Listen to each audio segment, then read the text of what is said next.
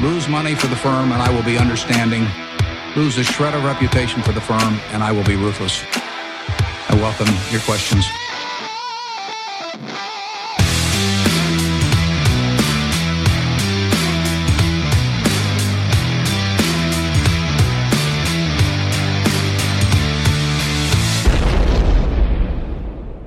Hej och hjärtligt välkomna till Kvalitetsaktiepodden. Det är jag som är Ola. Jag som är Marcus. Ja, och det är jag som är Klas. Det är avsnitt 133 som släpps natten till torsdag den 5 januari. Men som spelats in i några omgångar här under veckorna innan jul kan man säga. Mm. Vi har liksom hållit på med det här projektet under hela december här. Eh, och så när man hör det här, då har vi helt enkelt jul och nyårsledigt. Mm. Eller ja, ni sitter ju säkert och jobbar som vanligt, men jag är ledig i alla fall. det är nytt år också. Nytt år är det. Hurra! Vilket vi då inte vet än. Eller vi, vi, vi, det här vi, är vi får ju bara gissa att det blir så. Att det blir så, att mm. det inte blir någon form av Armageddon här. innan. Mm. Nej. Det vet man aldrig nu för tiden. Men om det blir det så kommer jag inte lyssna på det här. Nej, Nej så att då är det lik, skitsamma. Skitsamma. Mm. Eh, I det här avsnittet har vi den stora äran att ha med investeraren och storägaren i Note, Johan Hagberg. Mm. I en mycket öppenhjärtig och trevlig intervju som vi spelar in på plats här i vårt konferensrum slash poddstudio. I Mjärdeville, Linköping sitter ju vi. Någon gång här under första veckan i december. Mm. Eh, så det är ju huvudnumret här idag. Det är KAP, nya intervjupodden. Ja. Vi kanske ska döpa om oss till Vi får se. Intervjuaktiepodden. Ja, mm. för förra avsnittet, då var det också intervju. Ja. ja och nu igen då. Mm. Eh, vi kommer också försöka besvara ytterligare några av de frågor vi fått in under året. Så är det. Eh, och eh, den här gången är det kopplat till hur vi jobbar med vår portfölj. Mm. Eh, det blir spännande. Mm. Mm. Eh, det här avsnittet spelas in några veckor i förväg, så vi hoppas ju att när man lyssnar på det här, då är Putin äntligen avsatt eller har bara gett upp helt enkelt. Hoppas kan man i alla fall. Ja, och de ryska styrkorna är väl på väg att lämna Ukraina i detta nu. Hoppas vi. ja. ja, kan vara så. Nu kan det vara så att det inte är så. Ja. Och då är det ju så att vintern är ju kall och hård. Mm. Även i Ukraina, både för de stridande och för civilbefolkningen. Mm. Fortsätt skänka pengar till något gott ändamål som gör det bästa för Ukrainas tappra folk. Ukraina, vi ser och vi glömmer aldrig. Kavaljer då? Ja, det är vår huvudsponsor. Mm. Mm. Och eh, de är med oss som vanligt. Eh, de är ju rejält långsiktiga vid sina investeringar. Och de lämpar sig väldigt bra för ett månadssparande hos till exempel Nordnet, Saver eller Avanza. Sånt kan man inleda nu när nytt år. Just det, för flera har ju säkert varit långlediga nu över jul och börjar känna lite till, till stress nu va? Mm. Nu har man läst den där boken och lagt det där pusslet och, och sådär va. Vad ska jag göra nu? Det vore lite kul att jobba lite. Ja men då är det ju dags att tänka över sin privatekonomi, eller hur? Mm. Nyårslöfte. Mm. Kanske dags att starta ett sparande antingen åt sig själv, sin partner eller sin favoritpoddprofil. Nej, det, är barn står det. Barn, barnen. Det ska vara barnen här. Favoritpoddprofil. Jag, jag det, tror inte det, det blir vi då faktiskt. Nej, det, nej. Finns, ja. nej, men det får man ta vilken man vill. eh, nej, men I vissa familjer har vi fortfarande stora inkomstskillnader mellan makar och sambos. Ja. Mm. Då kan det vara läge att komplettera med ett privat pensionsspar till exempel, till den som har lägre lön. Och det kan ju ibland, och inte så sällan, vara den som tar störst ansvar i det gemensamma hemmet istället. Kan vara. Så kan det vara. Mm. Det vet inte vi så mycket om. Nej. Eh, oavsett orsak så lämpar sig Cavaliers fonder Quality Focus och investmentbolagsfond utmärkt. Med ett månadssparande minimerar man ju också den förhatliga timingrisken. Mm. Eh, när vi nu pratar om fonder är det viktigt att komma ihåg att historisk avkastning i fonder inte behöver vara en indikator på framtida avkastning, att ni kan förlora delar av ert satsade kapital då fonder både kan gå upp och ner i värde. Tack säger vi till vår huvudsponsor Cavalier AB. Ja, vi har också som vanligt med oss vår äldsta samarbetspartner Börsdata. Värdeinvesterarens by far mm. bästa vän. Så är det. Ja. Och är man inte medlem hos Börsdata än då, vad tycker vi att man ska göra då? Ja, man ska skämmas lite först. Ja, först ska man skämmas. Det ska man göra. Och, och... Men sen har man en chans att göra det här bra igen. Hur ja. gör man då, Ola? Ja, då går man in och skaffar ett konto helt enkelt. Så gör man. Mm. Och då undrar man hur, hur går det till? Ja, man går in på börsdata.se. Där finns alla medlemsnivåer och priser under slash pristabell. Själva tjänsten hittar man ju på borsdata.se terminal. Mm. Där har alla tillgång till en utmärkt basversion som ger ett bra smakprov på vad tjänsten har att erbjuda. Man, man kan ju ha som nyårslöfte att bli en bättre investerare. Mm. Ja. Då behöver man ju börsdata. Mm. Ja, oavsett vad man vill bli Nej. inom investering. Mm. Men, men det är svårt att inte bli bättre med börsdata. ja, mm. då, då, då bör man kunna ta ett litet hopp uppåt. Ja, då mm. har man mer att göra om man inte menar det. ja. Tack säger vi till Börsdata. Eh, innan vi går vidare i avsnittet vill vi påminna våra lyssnare om att aktieinvesteringar alltid innebär ett stort risktagande. Aktier kan både gå upp och ner i värde. Satsa därför aldrig kapital på aktier som du inte är beredd att förlora. Det vi säger i podden ska aldrig betraktas som köp eller säljrekommendationer. Gör alltid din egen analys av bolagen innan eventuell handel. Ja, men ett litet eh, aktuellt avsnitt kunde vi ju inte låta bli att kasta in här. Vi, vi kan kalla det aktuellt, fast ja. det blir inte så aktuellt.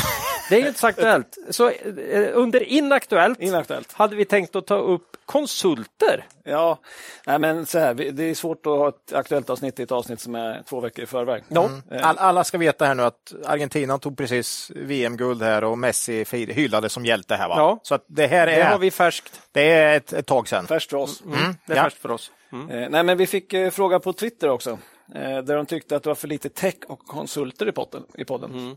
Det, ja. det, det är ju konstigt. Det är konstigt. Ja. Men jag, skrev, jag svarade och sa att tech finns det många som gör bättre än oss kolla på IR och Enea. Mm. Eh, men konsulter borde vi kunna få in någonting om. Och det har vi haft, vi har haft. en hel del. Mm. Men det kanske blir mer också. Mm. Nej, jag drömmer fortfarande tillbaka till när Ola tog upp Beiralma här igen för några poddar sedan. Det är den typen av bolag som jag, som du... som jag går omkring och suktar efter suktar, och drömmer ja. om. Ja. Men vi har haft våra ja. konsultspecial. Ja, det har varit. Mm. IT-konsult. Ja. Ja, definitivt. Och, och, det kan vi nog föra upp igen. Mm. Ja, då. Men, men nu hade vi en annan grej på konsulter som vi stötte på. Ja.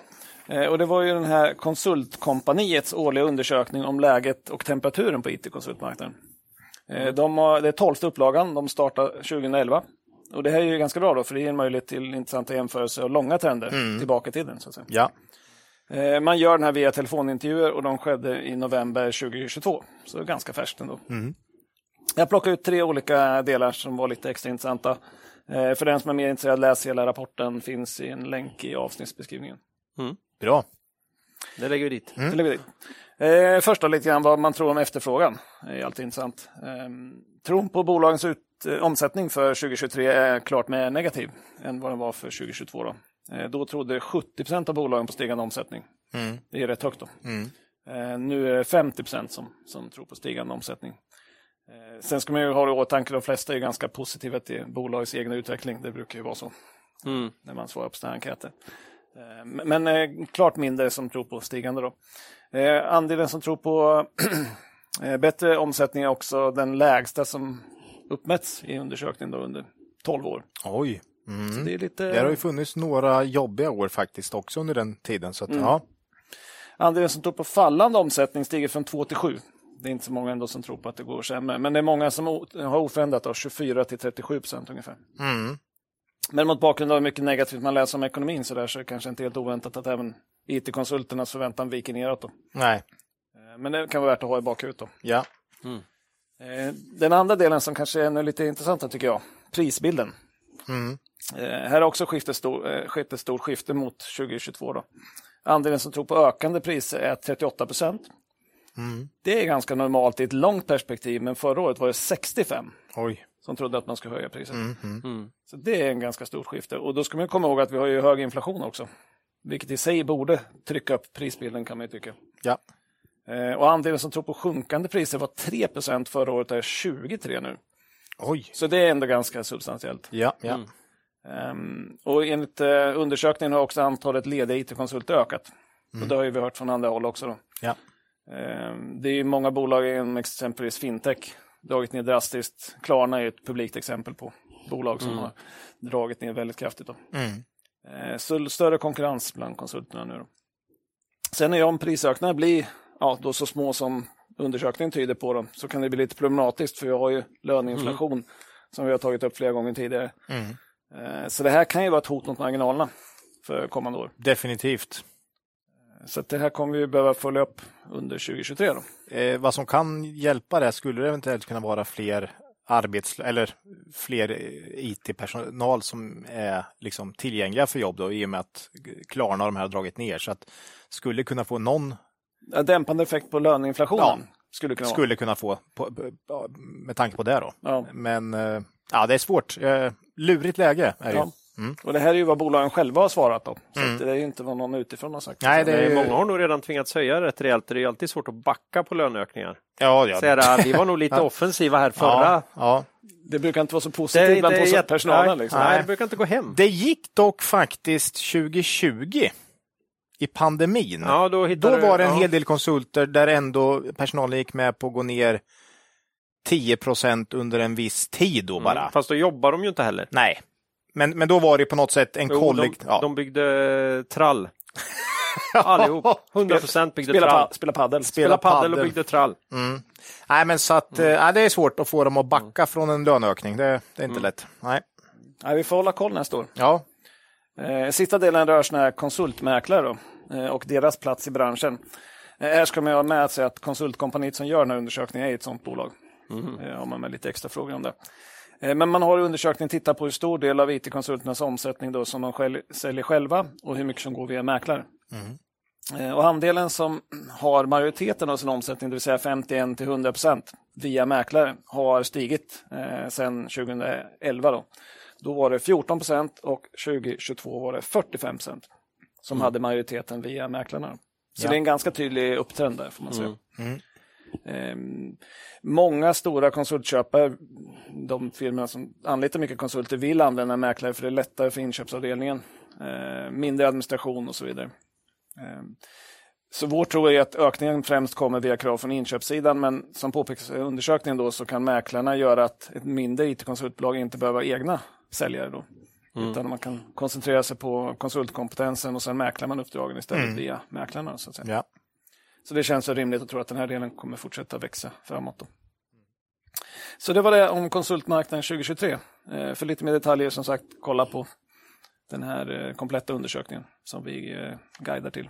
Men, men sammantaget blir vi nog tyvärr inte mer sugna på att äga konsultbolag under Nej. nästkommande år. Jag tycker inte de har tappat så jäkla mycket som kollektiv heller på börsen, så mycket annat. De har haft fina marginaler också, jättefina ja. marginalutvecklingar i mm. väldigt många konsultbolag. Nej, så, uh. Precis, så, just, just IT-konsulterna har vi liksom inte riktigt uh, känt att där hittar vi ett jätteläge just nu. Det kan vara lite toppmarginaler och kan vara. lite sämre framåt. Ja, men, men vi kommer garanterat, fortsätter vi med den här podden i flera år till så kommer vi fortsätta ta upp IT-konsulter då och då. Men så. just nu är det som sagt lite, det är lite jobbigt läge för dem. Mm. Känns det som. Tror vi. Och svårt ja. att hitta mos. Ja. Som man tror på. Mm. Så är det. det. Eh, tack så jättemycket för det, Marcus. Mm. Eh, men då ska vi väl inte hålla lyssnarna på halster längre, va? Nej. Nej. Eh, då har det blivit dags för det här avsnittets, avsnittets huvudnummer, intervjun med Notes huvudägare Johan Hagberg. Vilken kille va? Det var kul. Eh, det är ett samtal som i lika delar behandlar eh, Johans investeringsfilosofi och syn på olika marknadsaktörer och hans älsklingsbolag Note. Mm. Han pratar väldigt varmt om detta bolag. Ja, lite annat smått och gott blev det väl också va? Ja. Mm. ja. ja, men då kör vi. Ja. Ja, vi sitter här med Johan Hagberg, investerare och huvudägare i Note. Välkommen! Tackar! Ja, jag vet inte om så många känner till dig, men berätta gärna lite om dig själv och din bakgrund. Jag är ju eh, nationalekonom från början. Gick också faktiskt en lärarutbildning här i Linköping. Folkhögskolelärare. Det var väl länge sedan nu faktiskt. Känns som igår, men det var 2003 tror jag, min sista utbildning. Så att eh, nu i januari så var det 20 år sedan vi började där. Återträff snart kanske? Ja, herregud. det hade varit kul faktiskt. Ja. När jag tänker på det. Mm. Och sen jag varit eh, ägare i Note i 11 år då.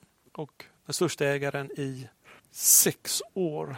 Fem år, fem och ett halvt år är det väl? Va? 18 på sommaren 18. Det är då, kan inte räkna, fyra och ett halvt år blir det. Mm, mm. Spännande. Men hur, hur, hur ser en vanlig arbetsdag ut då? Ja, du, jag har ett kontor som jag går till. På en bra dag så ringer jag lite grann och kollar läget sådär. Och, och det, det, det är ganska fritt kan jag säga. Det måste vara ganska skönt. Ja, både och. Alltså, människan mår ju bra av lagom mycket frihet. Men det, det har jag märkt. Det gäller ju att aktivera sig. Liksom. Man, eh, det är viktigt. Så man, eh, man blir en, som en liten vandrande experimentverkstad. Ja, men det är lite som, jag märker det alltså när, när man, om man bara går dit och inte ringer någon på hela dagen. Håller man på så där så det är inte riktigt bra. Men du är själv på kontoret eller finns någon Ja, annan? jag är det. Men jag, jag funderar på att plocka in någon till faktiskt. Det, det hade nog varit bra tror jag. Men du har ändå valt att ha ett kontor skilt från hemmet så att säga. Eh, Ja, Ja, det där har ju vi erfarenheter av också. Ju. Mm. Eh, Du satt ju i något liknande läge för ett antal år sedan här och Ja. funderade. Sex, sju år sedan eh, var jag väl lite sådär också. Ska man bara sitta hemma själv och prata med katten så att säga. Eh, så då, ja, men då, det var väl då jag bestämde mig för att jag gärna vill ha med Claes och sådär. En annan slags husdjur. Ja. Ja. ja. Nej, men de här grundläggande mänskliga villkoren Mm. ensamhet socialt. Det är väldigt, väldigt viktigt och, och i min situation så har man ju möjlighet att laborera lite med det där och man märker efter ett tag hur man svarar på de här olika sätten att leva sitt liv. Så att det, det är lurigt om man, man, man blir för mycket själv. Alltså man tappar kreativitet, man tappar gnista. Det, det, det där är viktigt och det är lite underanalyser, under, underanalyserat i samhället också. Tycker Ja, att, att ha så mycket fri och själv kunna bestämma, det är liksom inte kanske det som forskas på mest. Liksom. Eh, snarare hur man ska få mer fri. Jo, no, nej, men frihet är ju liksom ett väldigt positivt värdeladdat ord men, men eh, jag tror lite grann att frihet det är ingenting som människan klarar av igen. I grunden är det faktiskt så.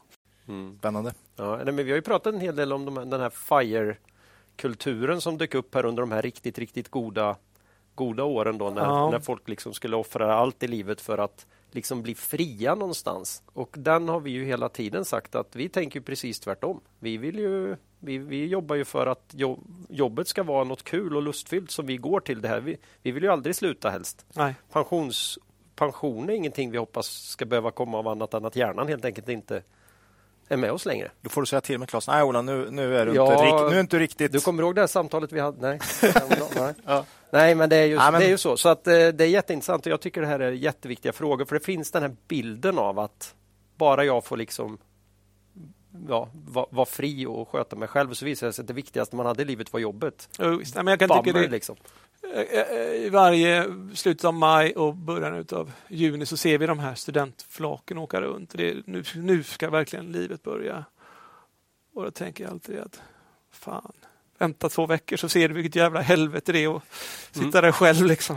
Ja, tappa Faktiskt sin klass. Mm. Ja, Eh, Ja, men eh, vi tar oss tillbaka till investeringssidan här då. Vi är ju ändå en podd om investeringar då. Eh, Hur tidigt kom du in eh, på investeringar i aktier och hur blev du intresserad?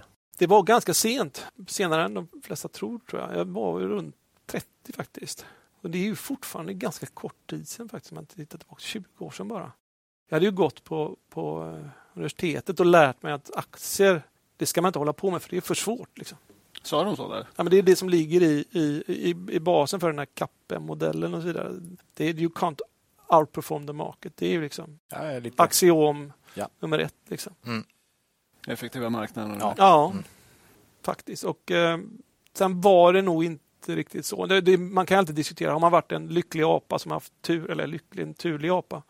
Eller har det varit någonting, eh, någon skicklighet där? Eh, det får man liksom aldrig veta. Men jag är fortfarande väldigt medveten om att det är båda, båda delarna som hela tiden. Men eh, först, första investeringen då, liksom, vad, du bestämde dig ändå någonstans här för att du ville testa det med aktier. Hur gick, hur gick det till? Det är ju någonting som växer fram. Det är ju liksom lite evolutionär process. Går det bra så fortsätter man. Går det åt helvete så är man liksom borta både finansiellt men också Mental, Eh, Mentalt, ja. ja. Mm. Så att det, det är ju någonting som, som växer fram. Eh, på gott och ont. Alltså det, det är på många sätt ett, också ett lite obegripligt liv. Det, jag menar, plötsligt sitter man här med ganska mycket pengar. Och hur fan gick det till? Det, det vet inte jag heller. Eller liksom man, den här ränta på ränta-effekten. Vi människor har inte riktigt känsla och fatt, riktigt fatta det faktiskt. Nej, det blir mycket om man har några extremt lyckosamma investeringar och kör det där några år så blir det mycket liksom, eh, fort. Ja, nu har det inte riktigt varit så för min del heller. Det fanns ju ett gäng där eh, i början på 2000, det första decenniet på 2000-talet som hoppade från tuva till tuva. Vi hade väl Björn Borg som var det första caset och Mm. sen så hoppade de vidare till Betsson tror jag och sen så hoppade de därifrån vidare till Balder och det var ju mhm. ja, jag känner till ett antal sådana i alla fall. Och det, det är klart att det var en resa som var... Jag var med på två av dem. Eh, v Ja. VBM var jag med på, eh, alltså Björn Borg då, Ja, ju, och sen eh, Betsson, men aldrig... Sen gick jag vidare till AQ faktiskt, ganska right, fort. AQ hade jag en, ganska mycket i där Mm. tidigt. Men... Mm. Så det finns ju rätt många, eller i min värld är det rätt många, de- är med på ett aktieforum nä- nämligen. Ja, Som jag också är med på. Så därför är en värld man själv ser ju den, själv, den värld som alla lever i, tänker man sig lätt. Men, men, men jag har inte riktigt varit med på den. den de, jag, inte, jag var med lite på Balder men aldrig på Björn Borg. Utan det har varit liksom, träget. Jag har varit lite som en ICA-handlare. Liksom. Tjäna 4 snabbt och sen så rulla Ah. lagret. Liksom. Ah, ja, ja. Det har varit Mm. mycket mm, Omsätta. Ja, Mm. lite uh, DuPont-formen heter det formellt. Att man liksom, Du kommer du ihåg vad den första var, aktien som du köpte? ja, det vet jag, men det var ju riktigt, riktigt länge sedan, så de, det är inte riktigt aktuellt i det, utan det, det var ju på eh, de sista dagarna på 1970-talet. Mm. Oj, Så det är okej. inte riktigt. Jag tänker Nej. vi omstarten då? Eller? Det är lite duff, den där perioden är lite diffus, men det, jag såg att vi ställde en fråga här om eh, no-no i aktievärlden. Det var ju lite grann där i den här ITH, när man var, blev lite sugen på IT-aktier och så. Så att en av de första hittarna för mig var väl i så fall ett bolag som heter Cybercom Group. Då. Mm, Mm. just det. De, en morgon så fick de ett bud på sig. Kommer jag ihåg. Ja. Och då surfade jag in på deras hemsida. Då var jag på plats nummer åtta utav de största ägarna faktiskt. Där. Så det var väl det blev det nog ingenting med det budet i den omgången. Det föll tror jag av någon anledning. Men, eh, men jag, det som är, är karaktäristiskt för mig är att jag har jobbat lite som en hedgefondförvaltare också. Lång, lång kort eh, Okej. positioner. Mm. Det kan man ju veta också. Så jag har ju liksom hedgat mig på det sättet. Mm. Men då är kortpositionerna en hedge mot någonting annat snarare än att just den här ska gå ner. Utan... Ja, relativ, relativt tänkandet har varit viktigt för mig. Liksom. Och där kunde man ju gå, kanske gå lång VM-data och kort fram, framfab till exempel. Typ två bolag i samma bransch. Men Ja, precis. det här går bättre än det andra. förmodligen. Ja, det, det, det ena var inte lika... Båda var vansinnigt värderade, men det andra, det ena var jättevansinnigt värderad. Det är ungefär lika stora positioner då. Så att, eh, Ja, men det var nettoportföljen var, var ungefär 100% exponering. Då. Så det var inte, det var inte noll, netto noll, utan det var ju netto 100 Liksom. Om, jag hade, om jag hade en miljon kronor så hade jag långa positioner på två miljoner och korta på en miljon. Kanske du klarar IT-kraschen hyggligt då? Det gjorde jag väl. Mm. Mm. Va- Vad letar du efter i liksom bolag numera? Eller om vi, om vi tar när du på 00-talet där Ja. till exempel. Vad, vad letar du efter för, liksom, för bolag och hur ser liksom, filosofin ut? Investeringar? Den filosofi som jag tror avviker för min del var att jag brydde mig mycket, mycket mer om balansräkningen än vad alla andra gjorde. Trots en finanskris som, som berodde mycket på svaga balansräkningar så var det ju det var, ingenting som investerarna tog in i efterhand ändå. Liksom. Men, men, ta ett sådant bolag som, eh, som AQ Group till exempel. Det var ju värderat i, i linje med eget kapital och det var ju inga fake-tillgångar Nej, där direkt heller. Så det var ju ja, det var tider. Det var, Ja, det var fan tider. det var tider Ja. Ja. Ja. Så det var ju lite grann, jag såg en gång George Soros som frågade honom varför han spekulerar då mot den brittiska kronan och då sa han att och antingen så skulle den brittiska kro- kronan eller brittiska pundet gå ner eh, eller så skulle den inte gå upp. Alltså med det här bettet så skulle jag, antingen så vinner jag här eller så förlorar jag inte. Och det har väl varit min ledstjärna. Det, det var den situationen som, som rådde i AQ. Det, det, det var liksom omöjligt att det skulle gå ner. Sen hade de ju i och för sig en tendens att eh, ibland redovisa engångskostnader om ni Mm. minns. Ja, ja, ja. Eh, Som, men, men, men, men, men, men det var ju väldigt, väldigt billigt. Liksom. Så du har fokuserat ganska mycket på nedsida ändå? Eh, Ja. Liksom, Ja, mm. Och sen är ju ett sånt bolag som AQ, det, det är ju lite som en korvkiosk ändå. Det, det rullar ju på. Det kan ju inte det kan inte hända så mycket konstigheter helt enkelt. Och har du då matten på det, där det är superbilligt, men då är det ju som bara att kötta in. Många andra bolag är ju mycket mer himmel eller pannkaka. Ja, ja, ja. Så att, ehm, Men letar du tillväxt till exempel? Är det, eller är det mer värdering? Det är, är ju snarare värdering då. Det Mm. vart. Mm. Sen visar det sig att det har ju varit både värdering och tillväxt i de här bolagen. AQ var ju faktiskt både och. Ja. Finns det någon eh, svart flagga då? Vad undviker du att investera i för någonting? Nej men Alltså jag har ju en sållningsmekanism från grunden som gör att 97 procent av alla bolag faller bort. För det första skulle jag vilja säga, man får, man får vara medveten om vilken tävling är det jag deltar i. Går du in på den stora listan så tävlar du liksom med världseliten. Det är då det är svårt att ha en, en bättre åsikt. Däremot om du tittar ner på de mindre listorna då kanske du kan bli mästare och vara den som faktiskt begriper det här bäst. Så att det är lätt, mycket lättare att vinna eller ha, en, ha den bästa åsikten om, en, om ett litet bolag än om ett stort. Liksom. Utöver det skulle jag säga att det är ganska uppenbart för mig att det förekommer väldigt mycket analytikermassage i de stora bolagen också. Så, och där är man ju, är man ju liksom lurad. Man är inte, man är inte bara liksom att man är ett svårt lopp från början, man är också faktiskt eh, förd bakom ljuset. Jag tycker det är rätt så uppenbart att det förekommer analytikermassage. Jag är överraskad att man inte går efter det här mer. Mm. faktiskt. Du är inte först på bollen. Andra vet ju saker och ting som inte jag vet. Liksom. Mm. Och det, det, jag, jag fattar inte liksom hur de vågar, de här informationsavdelningarna, ge ut så mycket extra information. Faktiskt, det, det förbryllar mig. Marcus, du brukar ju säga det här att eh, ingen av vare sig mottagaren eller givaren kommer no någonsin gå med på att det har bli blivit något. För båda är ju gynnade av det här på något sätt. Absolut. Så att det är liksom ett jäkligt svårt bevisningsläge. Sker, och om det sker så kommer båda veta att eh, de har gjort fel och då kommer ingen erkänna det och finns det ingen ljudupptagning så kommer det väldigt svårt att bevisa det.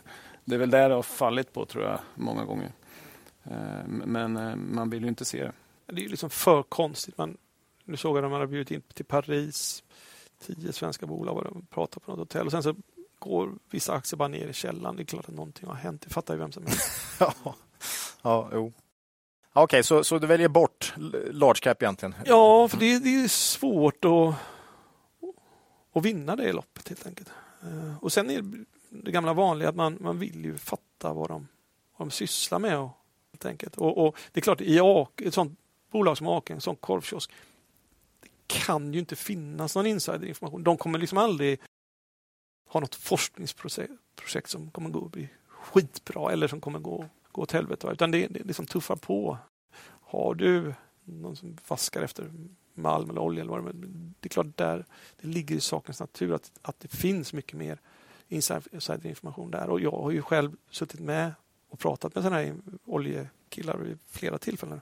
Har ju sagt till mig att hittar vi olja, ja, men det är klart, då köper vi aktier. Då kan man berätta om två månader efter det. Eller tvärtom, om det inte var någon olja så säljer man sina aktier först och sen berättar man då tre månader senare eller vad det nu är. Så att det, det låter som ett flagg, bolag med svart flagga. Ja, och där har du har ju ett, liksom ett continuum då mellan AQ i ena änden där, där det liksom inte, inte kan finnas speciellt mycket insiderinformation. Andra där verksamhetens natur gör att det kommer att förekomma insiderinformation. Så det är en sån grej som... Det, är väldigt, det känns som en väldigt bra svart flagga. Alltså. Ja. Hela tänket är ganska likt det som vi håller på med. Vi väljer också bort de största bolagen just på grund av mm, mer komplext och många att slåss mot. Ja. Svårare att ha en edge. Mm. Så mycket av de här grejerna går lite hand i hand då. Så att det finns flera starka eh, vilket i grunden är lite tragiskt också för det är ofta de här lite mer spekulativa bolagen eller forskningsbolag och så som verkligen behöver riskkapital. Ju. Men, mm. men, men, men med det kommer tyvärr den här typen av insiderproblematik. Omöjligheten att bedöma. Alltså Christer Gardell han sa det också i en intervju. Nordnet Live, den kan jag rekommendera på Youtube. Christer Gardell, Nordnet Live. Han sa väl mycket det jag tänker. Liksom att många bolag, man har, man har ingen vettig chans. Grunden är ju att bolag, bolag är ju mysterium. Liksom. Det gäller att satsa på dem där det, där det inte är mysterium, där, man, där det går att begripa. Ja, eh, eh, någonting annat om man kan veta mer om det är ju ägandet i bolag. Då. Hur ser du på ägandet i bolag du går in i och bryr du dig om liksom vilka som är de större ägarna och även ledningen i bolaget? Är det viktigt? Det är ju, liksom, det är ju sånt som man har begripit som verkligen har krupit på nu, kanske de senaste åren hur, faktiskt hur viktigt ägandet är. Då. Det begrep jag ju inte vi hade suttit här för 15 år sedan. Liksom. Men nu är det ju så att jag, jag håller på och avveckla mitt, ta bort lite marker ifrån aktiebordet faktiskt. Så jag, jag tittar inte så jättemycket efter nya bolag. Men, men, men det är klart, det är också rätt så uppenbart att vissa grupperingar från Göteborg och så där, lite svagare ägarna. Även stockholmare, där tycker jag det är väldigt tjänstemannastyrt Stockholm. De, de vill man kanske inte helst ha i ett industribolag. Utan det är gärna folk från, från lite mer landsbygden faktiskt. Lite entreprenörer. Ja. ja, precis. Du säger det själv. Ja. Där har vi också verkligen försökt. Liksom, Skinnskatteberg och oh. Systemair. Och, mm. nej, men liksom den typen av bolag som mm. Jag vet inte. Nå någonting är det i alla fall. Ja. Gnosjö och det här liksom. Mm. Jag kan ta äg alltså ledningens ägande då. Tycker du det är viktigt? Det är ju en aktuell fråga i, i vissa bolag det här. Är det jätteviktigt att vd äger? Ja, jag tycker nog det trots allt. För då får en vd känsla både för upp och nedsida så att säga. Då. Eh, och ja, men det blir ju lättare att förhandla också. Sitter man då i samma, samma cockpit och åker så, så Ja, du vill gärna att piloten ja, vill, ska sitta ja, i planet? Ja, men det mm. blir ju enklare då. Mm. Eh, ja, nästa fråga här, eh, den svarar du nästan på förut. Hur hittar du nya bolag att investera i? Det är inte så mycket du letar efter. Nej, jag gör inte det faktiskt. Jag, jag, jag, blev, jag var ju ägare i Semcon till exempel och jag blev oss emellan ganska, ganska glad när det budet kom för att det passade mig. Kunde jag liksom sälja det och sen så uh, köpa tillbaka lite blankningar också. Så nu har jag nästan inga blankningar. Eller jag har, jag har en stor blankningsposition kvar bara. Så jag har, har, har bara en enda blankning. Så det känns väldigt skönt också. Vad är det då? Det vill inte säga. Ja, det ska man helst inte berätta. okay. ja, ja. My mycket av ditt tänk äh, låter ju ganska likt som vi resonerar. Du lyssnar på podden eller? Ja. Tycker du det är bra? kanske inte att här kanske? Nej. Nästa fråga. Ja. Nej, den är ju bra. Det är ju, ja. Det tycker jag. Ni, det, ni resonerar mycket på samma sätt som mig. Liksom. Um. Vi är bara för fega för att våga gå kort. Vi har aldrig lyckats förstå hur man hanterar den risken. Så. Det är tidsaspekten vi har så problem med, att det ska gå fort helst. Ligga, blank, ligga, ligga åt det hållet under lång tid blir sällan bra. Eh, utan du ska ju få rätt ganska fort. Det behöver du kanske inte på, på, på den positiva sidan liksom, på samma sätt. Alltså. Men det kostar ju pengar att ligga kort. Ja. Det kostar ja. inte pengar att ligga lång. Det är väl där som är lite skillnad. Så det känns som du behöver få rätt lite snabbare om du mm. är kort och du har obegränsad risk på uppsidan. Mm. Eh, det är väl där som vi... Vi vet ju inte så mycket om hur blankare resonerar. Det, det, det som är, har varit ute och pratat i Sverige är ju den här Bodenholm, den här killen från Boden där som pratar. Han, men han är så väldigt inriktad på det här med att det är kokade böcker och så. Mm. Att de noterat det, det tycker jag är väldigt, det är ju en ganska nischad analys. Liksom. Eh, det hade inte jag riktigt vågat. Och han är, pratar ju att han, ska, han bettar hur mycket man ska blanka och sen när det går ner till hälften då ska man dubbla. Liksom. Och det, ja, men det, det där Oj, känns... Okay. Det är så jag uppfattat honom i alla fall. Ja. Nej, jag har inte alls koll på honom men eh, men, men, men om, om du går kort något, är det på värdering då mycket? Eller? Ja, det är ju det och det hade man ju också haft fel. Jag menar, det har ju sett ut som att Atlas har varit jättemycket mm. dyrare än SKF. Mm, mm. Eller såna Men, och sen bara går det där isär. Liksom, ännu mer. Ännu mer. Mm, mm. Och det är ju, det skulle inte förvåna men det är blankare som blir stekta. Jag, jag, jag har lite svårt att fatta att den där branschen kan finnas kvar. för att man ser ju också det, när det går dem emot så blir det, får de också panik och torskar 30 procent. Hur många gånger ja. har de råd att förlora? Liksom? Ja, det kan ju inte vara många gånger man har Nej, jag, jag, tycker det är märkligt att de överhuvudtaget... Men det, så är det nya Jag tror det är pengar. nya pengar. Va? De är ja. jätteduktiga på att Få, in, få in pengar i fonder och sådär och så kör vi det ett varv till. Stänger ja, man det gamla öppnar något ny. Vet du, så att man... Mm. Det, det, det, enda som jag, som jag liksom har sett verkar gå bra är ju de här som tar en rejäl negativ och sen kommer med en egen analys. Jo, jo. ja, det är det nya nu. Det är det nya liksom. Ja. ja Där man liksom har hittat grejer i bokföringen då. Ja. Typ.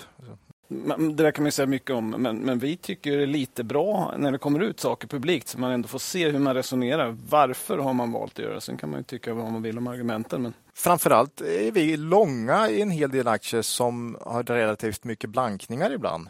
Mm. Eh, då är man ju väldigt nyfiken på när vi tycker något är riktigt billigt, mm. varför de tycker den är övervärderad. Samt. Mm. Det är ju en e- extremt annorlunda åsikt. Mm. Det är inte bara det att de ty tycker den, liksom, äh, den är ointressant, Nej. utan de är ganska säkra på att den ska ner.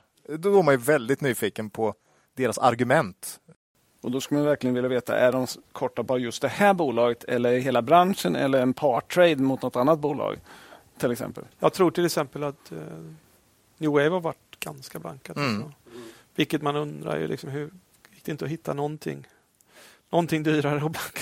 Men balansräkningen och lagret var det många som var inne på eh, för tio år sedan eller Ja, fem med. ja, fem år kanske. Framförallt lagret. Men... Ja.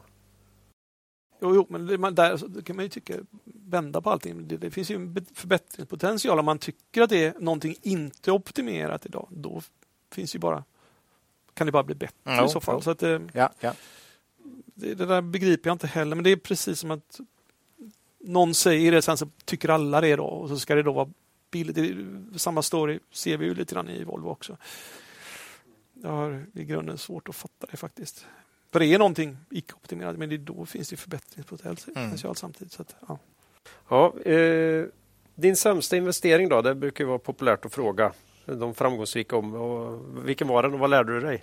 Ja, men det är väl de här grejerna att begripa mer allmänt liksom var att lära sig för framtiden att den här typen av bolag kan det hända precis vad som helst i.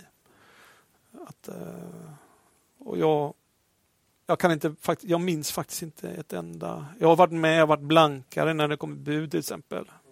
Ett klädföretag som heter Gant till exempel var ju blankare när det kom bud. Även VM-data ärligt talat var jag kort i när det kom bud på det en gång i tiden. Men det är väl mera, ja, man får kalla det för otur faktiskt. Ja.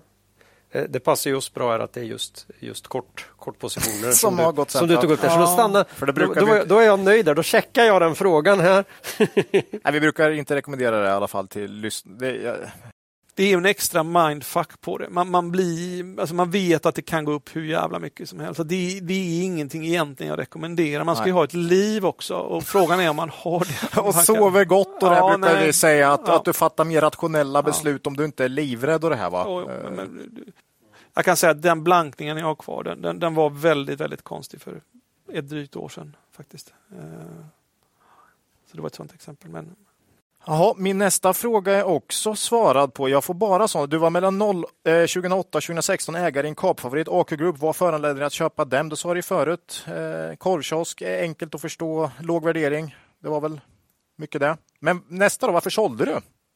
Ja, det är en bra, det, jag, det kan jag faktiskt svara på. Jag sålde för att jag ville köpa mera Note, ärligt talat. Okej, okej. Men det här är också en, faktiskt en intressant situation för att ehm, så jag ringde Didner och Gerge och som jag, ja, i alla fall, det blev en affär. Och sen då bara en enda vecka efteråt så annonserade AQ sitt bästa förvärv genom alla tider. En fabrik i Ungern som de köpte och så gick aktien, jag tror 20 procent på det. Så att då. jag, är inte en sån som sitter på, på insiderinformation, men jag kan tycka att fan, jag var lite väl ärlig där. Ska jag köpa, sälja aktier för så jävla mycket? Det var väldigt, väldigt mycket pengar som Mm. man sålde för. Mm. Jag kunde liksom kunde faktiskt ha ringt och frågat, bara kompispratat med, med grabbarna. Mm. Där kände jag att nej, jag är nog för hederlig faktiskt. För att i så fall hade jag, hade, nu är ju de sådana som, de hade inte berättat det ändå va? Nej. Men i en vanlig värld, Ja. vanlig bolag så tror jag att Mm. Men eh, man kan ju höra det på rösten bara. Mm. Eh, Alltså det är ju det som är det jobbiga. Mm. Att eh, eh, även om folk inte delar liksom själva informationen så märker man att fan vad du beter dig udda. Så det är ju, det är ju lite sådär, så det var ju väldigt fint av dig att inte Ja, att det, är en inte sån lucka. situation, det är en sån situation som aldrig hade kommit fram då. Den försäl, det här hade ju blivit en försäljning som jag inte gjorde, men som jag hade gjort om jag inte hade ringt ett sånt. Ja, jo, men den Ja, är ju väldigt svårt. Och, den är ju Den hade omöjlig. aldrig gått att bevisa. Nej. Nej. Så du har ju två, du har ju två positioner som aldrig går att bevisa. Det är, det är det som inte händer. Det är köpet som du inte gör för att du ringer och kollar hur det går innan. Eller det, den försäljning som du, in, som du, av, som du avstår från att göra. Men, men här, här tar du också upp en annan situation som vi ofta pratar om att vi är är ledsna över de här grejerna som inte blev. För att ofta har vi flyttat pengarna till någonting som vi trodde mer på och som inte sällan när man tittar lite över tid har till och med blivit bättre också. Och Note har ju faktiskt Och det var ju exakt det, det, var exakt det du gjorde Jo, här. jo, ja, absolut. Jo, så att, så att redan efter ett år så var det ju ändå värt det. Men just den här Ja. första månaden efteråt. Jag tror Då grämde du dig lite. Ja. Ja, men jag förlorar ju 40 miljoner per månad. Det är ju Mm. varje vettig person är det, Ja, det är supermycket pengar. Mm. Men det blir en bra övergång till Not där då, som är Ja, det. överlägset största innehav. Huvudägare 20,5 procent av aktiekapitalet och rösterna. Värt nästan en miljard. Då. Ja, det verkar som det. Ja. Ja. Var, var, varför Note då? Varför började du investera i dem? Det var ju också väldigt, väldigt, väldigt billigt. Det var obegripligt billigt och ingen verkade kolla på det. Jag menar, jag köpte ju som lägst på för fy, jag tror jag var nere vid Medelhavet och ringde då innan jag hade och köpte för 4,40.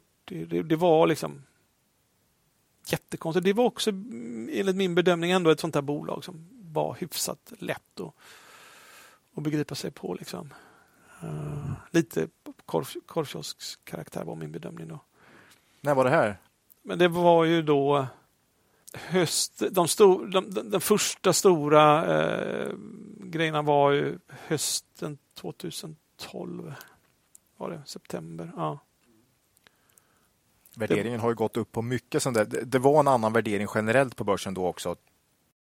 Ja faktiskt. Men det har väl du pratat om att Note var ju lite, det gick inte så bra i finanskrisen så att det var, låg väl kvar kanske? Ja, Note hade ju en svag historik om man kollar i alla fall bara titta på siffrorna där. Eh, lågkonjunkturen hade ju drabbat dem ganska hårt. Eh, så det var därför jag egentligen inte ville titta på mm. Note då. Det var säkert många som hade den. Det, det är ju andra, är det är det superbilligt? Vad beror det på? Jo, men i, i värderingsspråk så kallas det för att det är en väldigt hög riskpremie. Det var ju det det var då. Och mm. Står inte det är det precis det du säger, att folk tänkte så. Mm. Ja, det här är riskfyllt. Mm. Eh, förluster i närtid. Och... Ja, jag vet inte hur balansräkningen såg ut på den tiden. Det är ingenting vi kommer ihåg. Men... Den såg ju faktiskt bra ut. Då. Ja, för jag tänkte ja. det var lite i och med att du sa det att du tog de här casen som faktiskt var balansräkningen var viktig. Ja. Och de hade vänt till vinst då måste de ha gjort i alla fall 2012 ju. Ja, det såg ju väldigt, väldigt bra ut. Sen, sen så var det faktiskt så att de kom. Sen kom ett bud då från ett bolag som heter Lifco. Då. Eh. Jaha, det har jag missat. Jag kommer inte ihåg heller, det är Nej. länge sedan. Jaha. Så att jag, jag, jag köpte som lägst på 4,40 tror jag. Bara två månader efter det i november om jag, ungefär, roughly.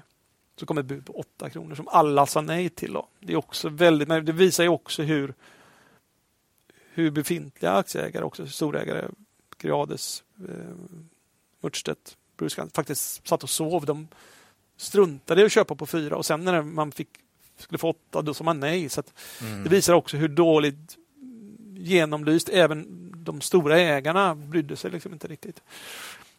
Men facit i hand så köpte jag ju de aktierna som han som var på plats med fem ägde. Det måste ha varit så, för han, han har inte sin till, till i ägarlistan sedan dess. Så det får jag ju får tacka för. Jag får skicka ett tack till honom nu då. Eh, ja. Tio år efteråt. Ja. ja, du ökar ju ditt ägande kraftigt sedan 2016 och 2018. Eh, det var ju de här storägarna som eh, sålde sina aktier då. Ja, det är ju en intressant fråga. Var det du som kontaktade dem eller? kontaktade de dig? Nej, utan eh, en eh, framåtlutad profil eh, ringde Dagens Industri och var ledsen. Eh, han var också storägare då. De, så att, eh, han, ville, han, han tyckte väl att det passade honom att få till ett litet, litet bråk då för att eh, han, han var nog rätt så trött på han var nog trött på skiten, det tror jag han, han hade uttryckt det som så. Ja, det var ja. stökigt i ägarledet. Ja, ja, det var ju det. För att upprinnelsen var ju att Creades hade köpt och blivit största ägare i den norska konkurrenten Kitron. Då. Och eh, ja, det är klart, det kan man ju tycka vad man vill om. Det, det är väl, ja. Konkurrenter? Och... Ja, ja, sen så folk har ju möjlighet att fantisera om strukturaffärer och sånt. Och det var ju det var väl så det vissa gjorde också kan man väl avslöja nu så här långt i efterhand.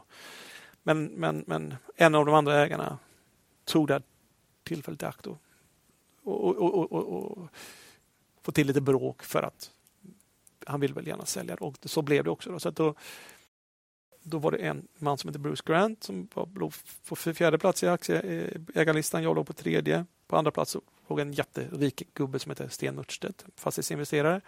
På första plats eh, var Creades. Så att vi då som var etta och trea köpte fyran och, och tvåan, deras aktier. Då. Det var så det blev. Så då blev vi två ägare.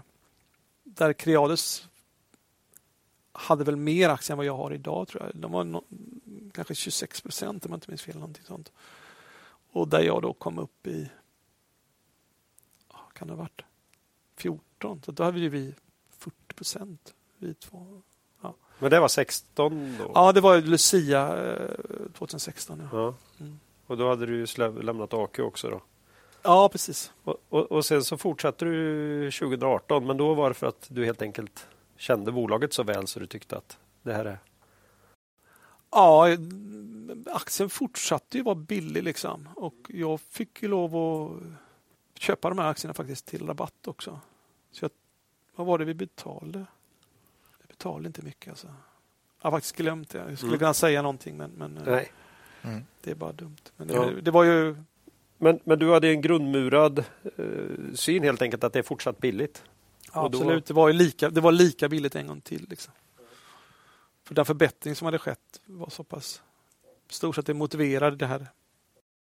Och vid den här tiden stod vi och tittade på från sidlinjen och, och, och kände att ah, är det inte lite, lite, lite för dyrt fortfarande? Och sen hela tiden har vi lyckats tycka det. Liksom jäkla till vilken, vilken leverans det har varit. Har vi några frågor om nuvarande värdering? Det vet jag inte om vi har. Har vi det? Ja, vi tar det på slutet. Ja, okej. Okay. Eh, risk tänker jag direkt på här. Du, har ju, du, du berättar att du har liksom eventuellt sålt av lite andra innehav AQ och sen tryckt in mer pengar i ditt, det du har känt mest för. Hur ser du på den här tanken och, och koncentrerad portfölj och, och risker relaterat till det? Hur, Ja, det finns ju två, två situationer egentligen. Alltså, om man sitter utanför alla bolag så är det ju väldigt viktigt att ha riskspridning. Men sitter man innanför ett bolag så kan det bli så att man upptäcker att det här det blir väldigt, väldigt, väldigt svårt att det här ska eh, gå åt skogen helt enkelt. Eh, faktiskt, och det är väl lite så jag har känt. Liksom, att det, så mycket är skillnaden om man liksom sitter med i bolaget och som du är styrelsemedlem och, och, och har liksom arbetar med bolaget och har järnkoll på det och får all den här löpande informationen till skillnad från att sitta som utstående investerare och ha en spridd aktieportfölj med bolag som man inte alls har någon egentlig relation till, eller ja, relation men inte koll på i alla fall, mm. Eh, på det sättet. Så. Nej, men vi har ju en bra framsyn faktiskt. Det är en lång, lång, lång framsyn helt enkelt som vi har. Eh, ja. Och Sen är det också så att vi, vi vet ju lite grann vad våra konkurrenter är. Vi är ju i en gynnad situation om du kollar på hur gamla vi är. Nog, liksom. De flesta är, fort, är 50 år eller yngre än det. Liksom. Våra konkurrenter är, är betydligt äldre. Liksom.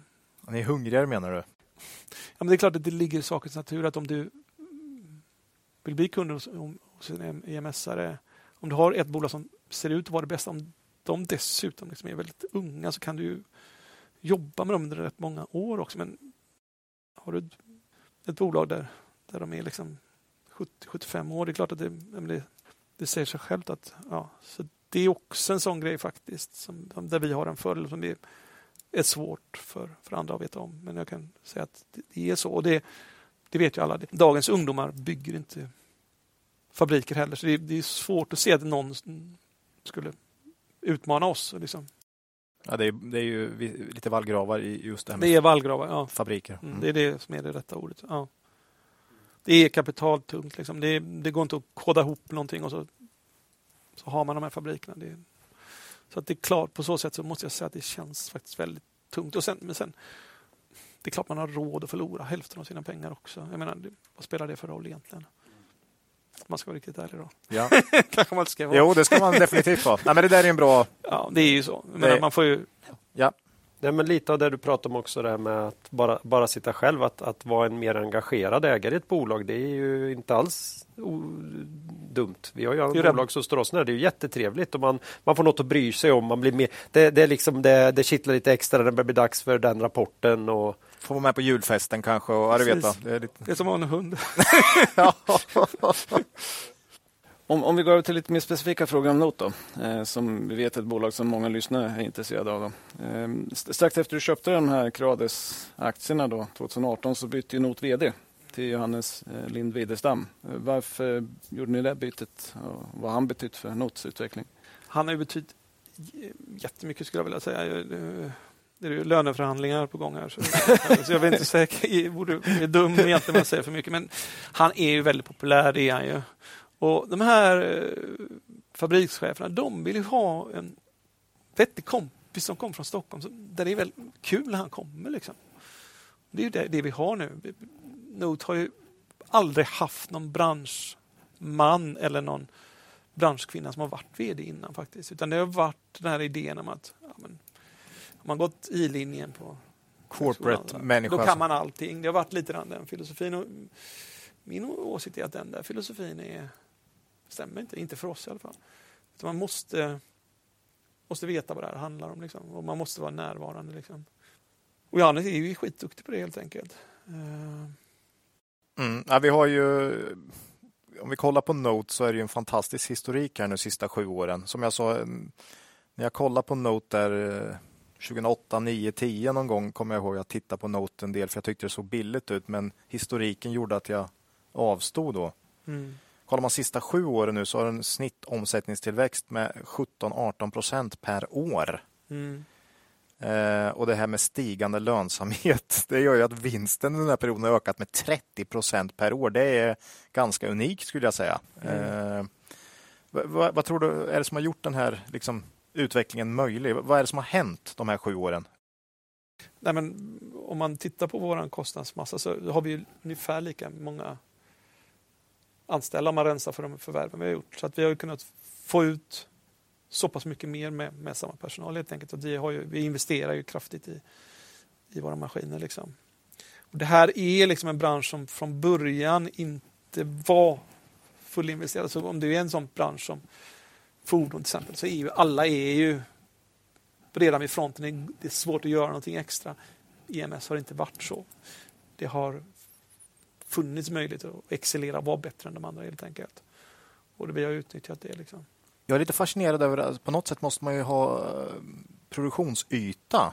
Ja. Och jag menar 20% tillväxt, det är ju inte bara så som ett digitalt bolag och, och, utan här måste du ändå ha yta du måste anförskaffa hela tiden. Det är bara det är ju ett mycket och Note växte 100 procent några kvartal. Det ska ju upp rejält då. Ja. Eller fanns det slack i ytan på något sätt? Eller hur? Det fanns det. Vår vd brukar ju säga att vi, vi ska ha möjlighet att producera 50 procent extra mot vad vi gör, vi redan gör. Och, eh, det har ju, mm, Okej, okay, så man ja, har tagit höjd för det? In. Ja, det har ju varit, det har varit rätt mycket ledyta redan från början. Så att säga. Så att, men nu har vi varit tvungna att bygga ut. Vi eh, har byggt ut framför allt i, i Torsby. Då. Eh, och, och en, ja, det är möjligt att det blir ytterligare en, en, en utbyggnad i Torsby kanske.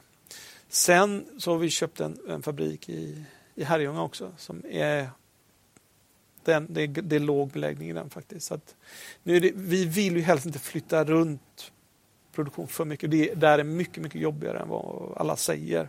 Jag vet att det finns andra i branschen som säger att eh, nej, man ska flytta runt, optimera, bla bla bla. Men, men nej, det är inte kostnadsfritt att göra det faktiskt. Men, men, men, men det är klart att eh, får vi Herrljunga här så, så, så, kan det lätta upp den eventuella pressen i andra fabriker. Då.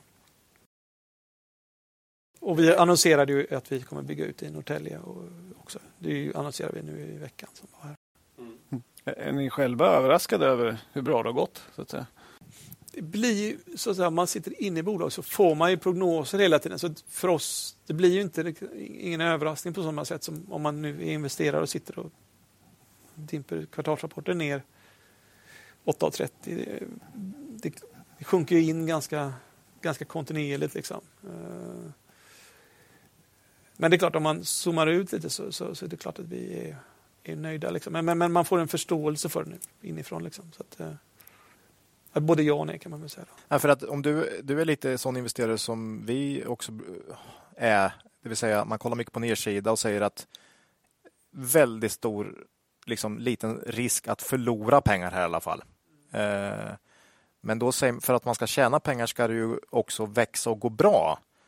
Så när du investerade i Note och sa att, att det, här är, det här är billigt, kunde du, ens, kunde du tänka då hur, hur bra det har gått så att säga?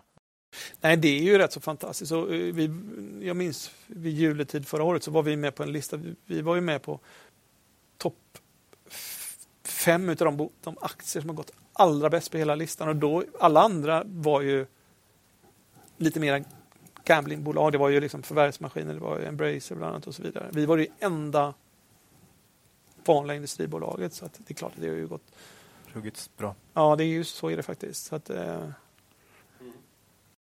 Ja, på tal om gå bra då. Hur, hur stora kan Not bli tror du på sikt?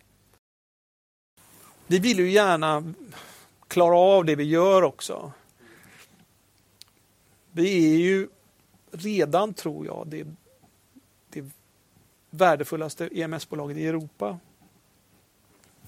Eh, sen är vi inte det största, för många av de bolagen är ju eh, onoterade. Då. Men det är klart att i, och med att vi är börsnoterade, det är klart att vi får en...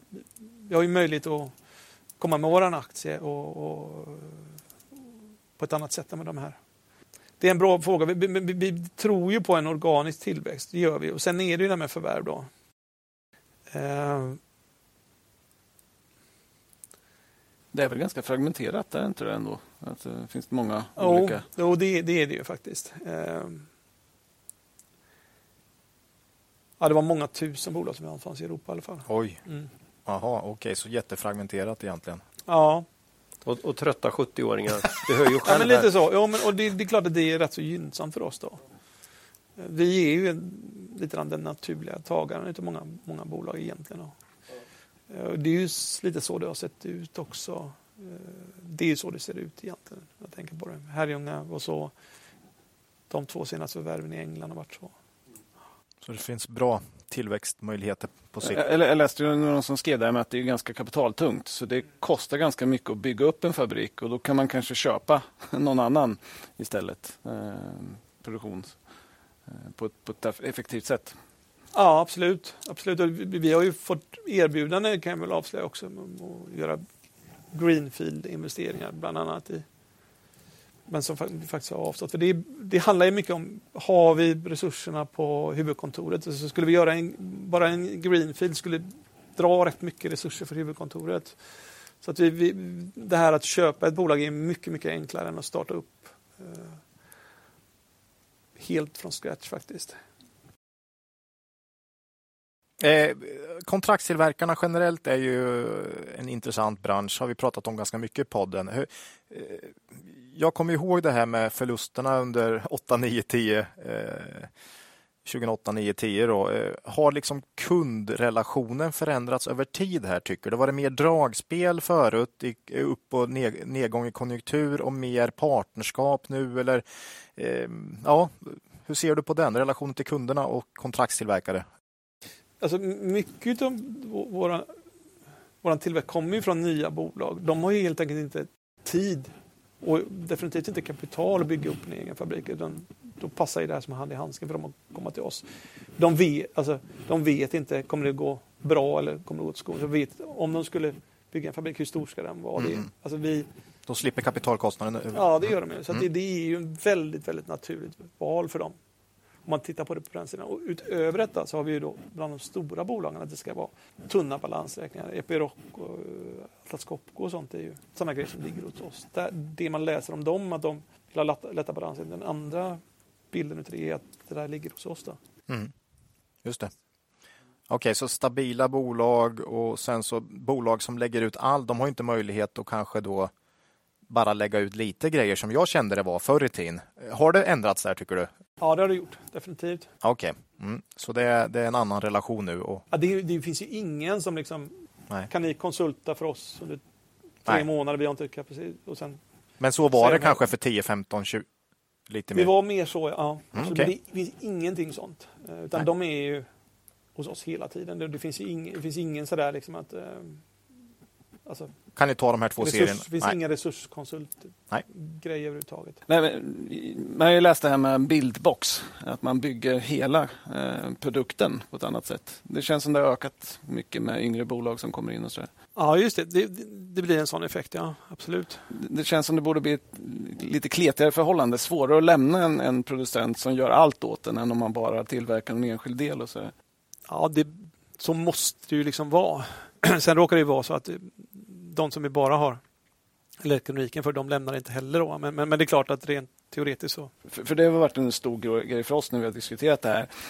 Man, man, vill ju inte att det blir lågkonjunktur så blir man utkastad utan att man vill ha det så kletigt som möjligt, att det är mm. svårt att lämna. Eh, för det är mycket stabilare och säkrare. Liksom. Och det känns som branschen är på väg åt det hållet. Ja, och dynamiken är väl dels som jag sa, att bolaget har både bråttom och saknar de finansiella resurserna. De, eh, de nya, de nya startup-liknande bolagen, Chargecam till exempel, och vad vi nu, Played och sådär. Och att de här stora bolagen i ökad utsträckning lägger ut. Då. Ja. Det känns som man ligger lite sweet spot ändå. Ja. Just nu. Och har gjort ett tag i och för sig också. En annan stor trend då som eh, ska ju spela er i händerna det är ju det här nearshoring. Mm. Det var ju, jag ville ju att det skulle heta reshoring. Va? Det var ju på väg ett tag att bli det för reassure är ju att trygga. Mm. Så jag gillade det och sen så blev det nearshoring. Jag tyckte man missade en chans där från branschen. Men det här talas ju jättemycket om nu med alla produktionsutmaningar i Kina och det är politiska risker som blir jättetydliga. Vi har haft fraktproblem men ja, vi behöver inte. Hur, hur, vad, vad tror du om den? Kommer det fortsätta och är det, är det så positivt för till exempel Note som många tror? Ja, det skulle jag vilja säga. Och, eh, om vi nu ser på produktion i andra så kallade lågkostnadsländer så har ju Östeuropa seglat upp som en, och stärkt sina aktier relativt Kina väldigt, väldigt mycket. Då. Ja, det som vi producerar i Kina, det, det, går ju till... Det är väldigt lite som skeppas tillbaks till Europa. Liksom, utan det, det är ju för det är produktion för den inhemska marknaden. Liksom. Och, eh, men är det ett skifte? Var det mer förut så att man tillverkade och så skeppade man tillbaka? Ja, det, ja, det ja, ja, absolut. För då har man ju redan gjort lite grann av det här. Den trenden så att säga. Ja, det, kan, det, är inte säkert att det finns så, så mycket mer att hämta eh, i den dynamiken. Och, och som jag sa förut, att flytta produktion det är ganska jobbigt. Liksom. Så det, det, kan vi slippa det. Men, men det är snarare tillväxtdynamiken som gör att de, man kan förvänta sig att de relativa andelarna ändras snarare än att det blir massiv flytt av befintlig produktion från Kina till våra fabriker i Sverige. Det tror jag inte riktigt på, utan det är väl snarare så att tillväxten kommer vara här och sen så kanske det möjligen kan kanske står och stampar lite mer där. Vi, vi, vi, får se hur det blir helt enkelt. Kina är ju kanske mer svårbedömt än någonsin nu. Konkurrensen kontraktstillverkarna emellan då? För jag tänker att det måste ändå vara så att man ibland tappar kontrakt. Eller, eller är det liksom Nej, men som vi tar någon storkund som liksom väljer, ska jag lägga ut det här eller ska jag lägga ut det på den här eller den här? Det måste mm. ändå vara någon form av anbud. Och, och liksom att man kan tappa ett avtal. Eh, mm. Eller är det så är det så inkört med de här eh, kontraktstillverkarna på något sätt så att man, det ska mycket till för att man ska byta på något sätt? Det ska vara extremt mycket billigare eller, eller är det inte pris? Det, min känsla är att det varierar lite grann på, på olika marknader. Eh, vi har ju fått produktion från... Konkurrent? Ja, det har vi fått. Jag vet, jag vet inte riktigt hur mycket jag ska säga där, men, men, men, men det, finns, det finns en marknad där det, där det är lite mer huggsexa faktiskt. Okay. Uh, Så det finns... Men det är inte, den, den marknaden är inte riktigt Sverige. Nej, nej. Men vinner man på pris då eller vinner man på tillgänglighet? Eller liksom, vad, vad, vad vinner man sådana upphandlingar på? Eh, du menar i Sverige? Ja, generellt. Liksom. När, man tar över en kund från, från någon annan, är de missnöjda med den gamla eller kommer de till något bättre? Eller liksom, lämnar bara missnöjda kunder? Kan väl egentligen. Ja, men det är väl lite så. Ja, det, det, alltså, ja, det skulle jag säga. De, de kunder vi vinner från andra, där har du ett, ett missnöje. Okej, så sköt, generellt det är liksom inte en sån huggsexa så att det bara är pris utan det är mycket, är, då ska man, vara, man ska göra bort sig? Ja, men lite sådär. Okay. Lite, så länge kunderna är nöjda så flyttar de inte. Det ja, liksom... men, ja, det är min bild i alla fall. Det, det... För, vi, för vi har varit lite rädda för kundberoende i vissa av kontraktstillverkarna, inte Note då, men då kanske det inte spelar någon roll om man har över 50 procent mot en kund. Och, eh, om man nu känner sig så trygg. Det kan vara en ny generation av produkten. Som, då, då kan det hända att man går ut på marknaden. Ah, men, okay. men, men mm, mm, mm. det är inte så att man shoppar runt. Nej, nej. Hur vanlig är dual sourcing? Då? Vi har sett det i Nolato där att uh, har en stor kund som, som har velat ha en producent till. Liksom. Ja, det har blivit mindre dual sourcing, det är min, min känsla. Men jag har ingen, inga siffror på det. För, för det känns som kontraktsverkare borde bli lite jobbigt med dual sourcing för det känns som kunden då borde spela ut dem mot varandra hela tiden. Alltså pris då mycket, tänker jag. Att lönsamheten blir... Ja, pris och volymer och mm. hela tiden kunna ställa mot varandra. Mm. Liksom. det är väl lite idén kanske att de gör det. Ehm. Min, min uppfattning är att det har minskat. Att man, man, man, man, man känner sig trygg med att vara, hos en producent mer. Um. Och det är positivt för kontraktstillverkarna om ja. den trenden inte är stark så att mm. säga. Eh, eftersom man borde ha en bättre position. Mm. Nej, jag har, inga, jag har inga siffror på det, så det är bara mer en känsla. Och Det är klart det är jobbigare att ha två som man ska få ja. produkter från. Ja, det är det. Ja. Och, och, du har två relationer hela tiden, så det är mm. klart det, det, finns negativt med det också. Ja, absolut. Det kan se liksom, ut som läkas, men, men, men, det innebär ju ökad komplexitet. Folk vill ha det enkelt. Liksom. Det är klart att det är en och, och, och, I och med att vi har så många olika fabriker så det finns ju möjlighet om man nu skulle börja exportera ner på, till England. Så då har ju vi våra fabriker där. Mm. Måste en fördel att vara stor där? Ja, det, det är en viss fördel faktiskt. Mm, mm. Hela den här elektrifieringstrenden då, hur, hur, mycket tror du den har liksom med kontraktstillverkarnas eller EMS-bolagens ganska starka utveckling de sista fem, fem, tio åren här? Det är, en viktig, det är väl en, den enskilt viktigaste faktorn i alla fall.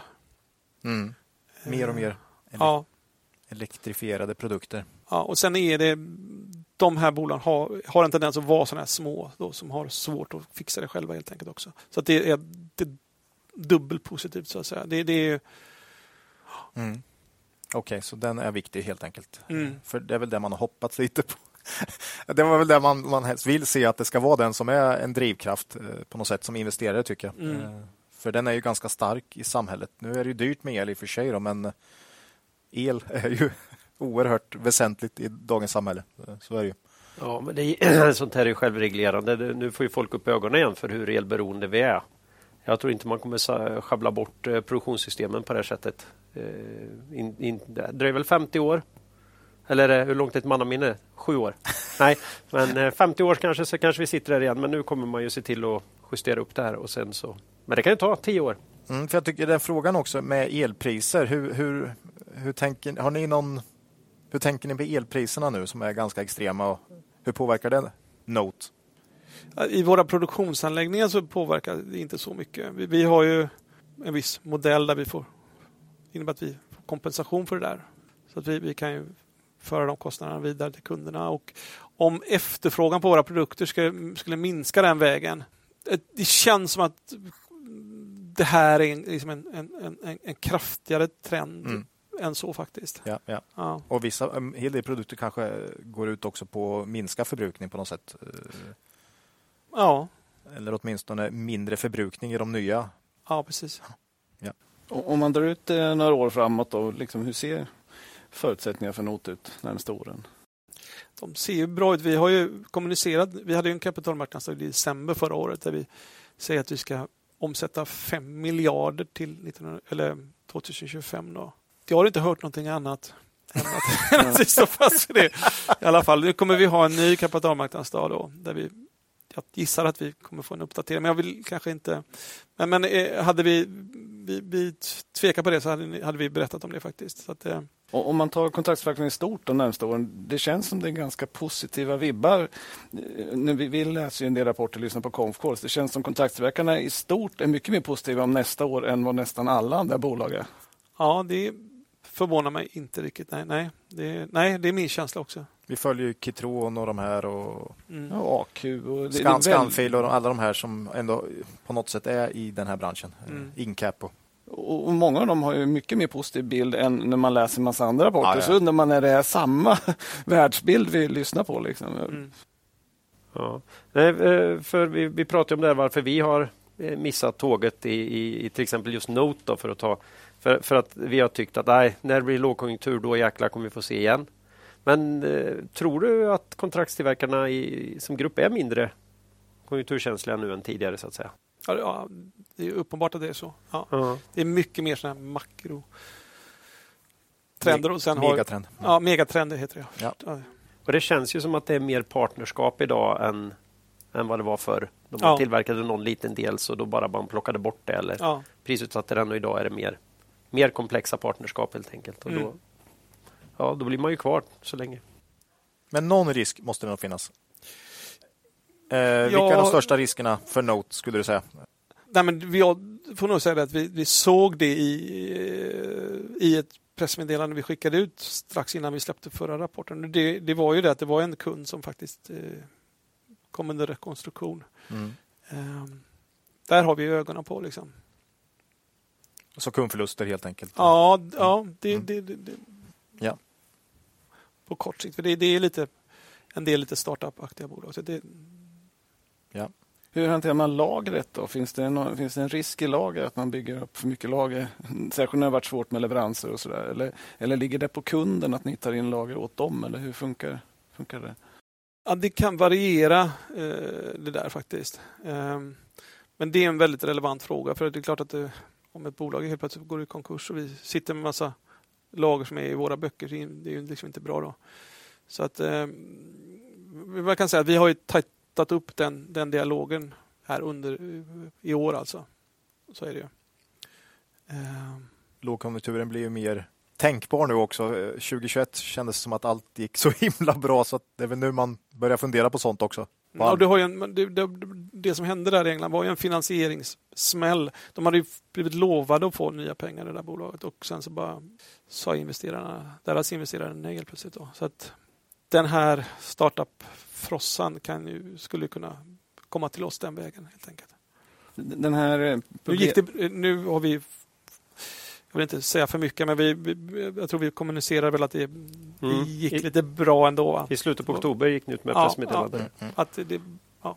ja. Eller var det i november? Nej, redan i oktober tror jag ni gick ut och sa att det gick bra. Ja, ja. ja just det. Den här komponentbristen har det varit väldigt mycket prat om under ja. lång tid och folk har ju väntat på att det ska bli bättre. Hur, hur, hur ser ni på, blir det bättre? Eller? Jag har inte ställt den frågan så jäkla mycket under de senaste månaderna. Då är det nog ganska hyggligt ändå, eller? ja, vi, vi skulle gärna vilja att det blev lite bättre, men, men det är klart att om det är några som verkar klara det här bättre än andra så är det vi. Så det finns en positiv faktor för oss att det här fortsätter. För att vi verkar klara av det bättre än våra konkurrenter. Det är min bild. Men rent allmänt så är det naturligtvis en påfrestning. Det är, framförallt är det en påfrestning för våra kassaflöde. Vi har ju, mm. jag menar, har en produkt där hundra grejer ska vara med och det saknas två, men då ligger det, blir det bundet i vårt lager. Liksom. Så att, eh, ja, vi har gissat om de här grejerna förut och haft lite fel. Jag, eh, så, jag har blivit lite ödmjuk där faktiskt. Det är bra att vara ödmjuk ibland också. Ja, men man, det är klart man kan fantisera om det blir lite nedgång i hemelektronik och sådär, att det kan spela över positivt på oss. Men, men, men jag, ja. Vi, vi är mycket för värdering i den här podden som, ja. som du vet. Hur, hur, ser du själv på värdering på NOT i dagsläget? Det, ser billigare, alltså det är ju billigare i förhållande till vår vinst än vad det var för ett år sedan. Det är uppenbart. Sen, om, om det Sen ska du väl ha ett ökat avkastningskrav i förhållande till för ett år sedan också. Och hur de här två den positiva och den negativa spelar ut mot varandra, det, det får väl andra bedöma. Liksom. Ehm, men det är klart det är billigare i förhållande till vinsten i, i år än vad det var för ett år sedan. Så är det ju. Och, eh, ja, vi kommer kommunicera, vi kommer uppdatera marknaden i samband med kapitalmarknadsdagen. Den, jag tror det var den 14, den 14 december. Va? Det blir spännande event att lyssna ja, dessutom före vi släpper så. det här. Så. Då har just ja, just det. våra lyssnare ja, facit i hand. Ja, men jag vill inte, ändå inte Nej. förekomma det. Eh, utdelningen är många av våra lyssnare som kanske är intresserade av. Ja. Och där har det ju inte varit någon utdelning på några år. Eh, vet inte, var väl med argumentet att det fanns eh, bra möjligheter i marknaden, va? har jag för mig? Ja, både det och sen är det ju så att vinst och kassaflöde har ju en tendens att gå åt mm. skilda håll för oss. Då. Alltså med, mycket, med mycket tillväxt så binder vi mm. ännu mer kapital. Med mycket tillväxt och mycket vinst så binder vi ännu mer kapital. Så, att, så det gör ju att det blir lite kopplingen mellan vinst och utdelning är inte lika lätt att ha en åsikt om för oss. Men, men sen har vi haft de här förvärvsmöjligheterna mm. också. Ju det är ju lite... Är ju, vi har ju varit i en situation som Erik Selin säger att resurserna jobbar bättre i bolaget än, än i aktieägarnas fickor lite grann. Det har ju varit lite så. Ju. Om du kollar på förvärvet i Herrljunga nu senast så var det ju väldigt, väldigt, väldigt billigt. Eh, och i dagens läge, vi har ju en, en, fortfarande ansträng, ansträngt kassaflöde. Liksom. Så att det, mm. ja. Jag menar, du är ändå största ägare. Och, ja. eh... vi, får, vi får se helt enkelt. Men, mm. men, men jag, jag, tror att det kommer bero lite grann på vår, hur vi ser på förvärvsmöjligheter. Mm. Men du, du, det är inte så att du vill, du ska ha din, din utdelning som största ägare utan du vill? Väldigt, väldigt flexibelt. Det kan bli supermycket utdelning helt plötsligt. Ja. Så vi, vi, ja. Men så länge det går att investera i verksamheten så, så är det. Ja, och nu har vi varit med den komponentsituationen så har vi varit tvingade att investera i vårt rörelsekapital. Då. Ja, att, ja. Eh, man kan ju säga att du har gjort en fantastisk resa, eh, måste vi verkligen säga. Om eh, det finns lyssnare där ute som känner att det här skulle jag också vilja göra. Har du något tips till, till dem? Vad gäller att tjäna pengar på aktiemarknaden så är aktiemarknaden är alltid någonting som är under förändring. Det är det som är så svårt med aktiemarknaden. De här gyllene tiderna som vi ja. drömmer oss tillbaka till här som rådde i början av 2000 och för en 15-20 år sedan. Det är svårt men, men, men, men, att, att förstå vad man är duktig på. Liksom. Och i och med att man är olika från varandra så, så, så blir det väl lite att, att lära känna sig själv och, och sina styrkor och svagheter. Tror alltså det är, eh, tyvärr finns det nog ingen enkel. Men kanske välja bort då? Och välja, ja, verkligen, välja bort är viktigt tycker jag. Mm. För det är en klassiker, många må gå på investerare. Men många män vill ju gärna eh, vara med överallt. Vara med överallt och framförallt det som är allra mest spännande. Sådär, va? Ja, men Buffett, jag såg den här intervjun från 70-talet och han liksom Here's this uh, technological revolution uh, and it's right, passing right by you. Liksom. Kör ju han och ja, ja, visst, jag har inga problem med det alls att alla tjänar pengar på ja, vad det nu var som var det stora på 70-talet. Men uh, han gjorde sina pengar i i hamburgerkedjor och eh, godis. Ja, eller vad det nu var. Mm. Så han hade inga som helst problem. Men det är många som vill vara med där det känns häftigt också. Det är, jo, jo. Det är inte lika coolt att tjäna pengar i Dunkin Donuts som, som i Xerox eller vad det nu är. Så att, eh, mm. Och du behöver inte slå på alla bollar? Behöver inte slå på alla bollar, nej. Nej, utan fatta vad som är din grej och där du kan ha en edge. Liksom. Det är väl en bra avslutning? Ja, det var jättebra. Ja, vi får tacka Johan Hagberg för ett mycket intressant snack och lycka till framöver med Note och allt du tar dig för. Tack själva, det var kul att komma hit. Det var ett dynamiskt samtal. Tack så mycket. Tack så mycket. Tack. Ja, tack för den fina intervjun säger vi till Johan och lycka till i framtiden med ägandet i branschledande Note. Mm. Bra jobbat och tack för att du ville komma till podden. Eh, Nordnet. Mm. Mm. Vi vill gratulera vår partner Nordnet eh, som i dagarna tagit emot det prestigefyllda priset Årets bank. Ah, stort. Det är stort. Mm. Det var innan jul där precis. Ja.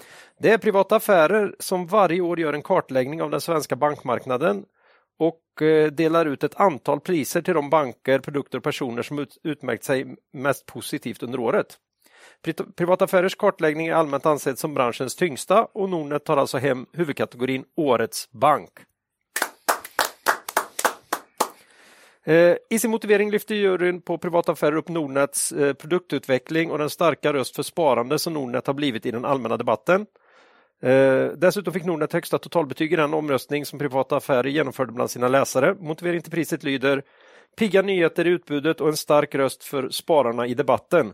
Det är ett toppbetyg från våra läsare och titeln Årets bank 2022 från Privata Affärers jury. De har också en, en fantastisk känsla för vilka poddar de ska sponsra, står det här. Ja. Står det så? Ja. Nej, ja. Nej det står det inte. Nej. Det står inte. Där är de verk, verkligen picky. de, där är de picky. Ja, ja. Mm. Vi är ju kunder på Nordnet. Ja.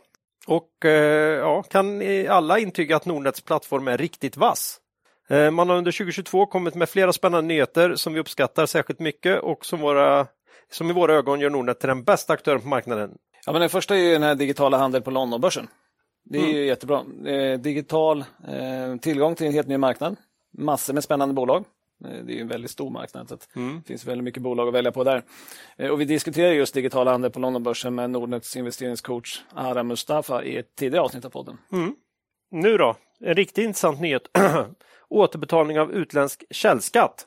Som mm. vi också pratade med Ara om i ännu, ett ännu nyare avsnitt. Eh, Nordnet inför 1 januari en ny rutin för återbetalning av skatt på utdelning av utländska aktier eh, som förvaras i kapitalförsäkring och pensionsförsäkring. Den nya rutinen innebär att man återbetalar avdragens källskatt genom ett eh, schablonbelopp. Mhm. Redan, redan någon månad efter utdelningen. Vad Istället- härligt. Det är många som har... Ja, alltså det, det kan ju ta upp till tre år Ja, tidigare. jag vet. I know. Visst. Och eh, på Nordnets hemsida finns en förteckning över vilka schabloner som gäller. Det här tycker vi ju jättemycket om. Vi, vi anser ju att vi kan göra en hel del med de där pengarna under de tre åren Mm. som de annars skulle ligga otillgängliga för oss. Grymt. Så, så om det blir nå- någon procent mindre, det spelar ingen som helst roll. Bra Nordnet. Bra Nordnet. Och sen har vi då aktielåneprogrammet som omfattar utöver nu svenska, norska, danska och finska aktier som var tidigare, även amerikanska och kanadensiska aktier. Eh, och via det aktielåneprogrammet kan man ju nu låna ut aktierna man investerar i och få en liten avkastning. Och det är ju sånt som tidigare fonder kunnat göra men nu tillgängligt för privata sparare så att säga. Mm. Det tackar vi för. Eh, ja, man håller helt enkelt ett högt tempo på Nordnet. Fortsätter hela tiden att överraska. Är man inte redan kund och vill prova att handla på nordnet.se kan man nyttja erbjudandet om courtagefri handel. Det gäller nya kunder under sex månader och fram tills dess att man kommit upp i 80 000 kronor i samlat kapital. Fullständiga villkor för erbjudandet samt information om hur man aktiverar finns på nordnet.se. Mm, grattis Nordnet, säger vi. Öppna konto, alla ni som inte gjort det än.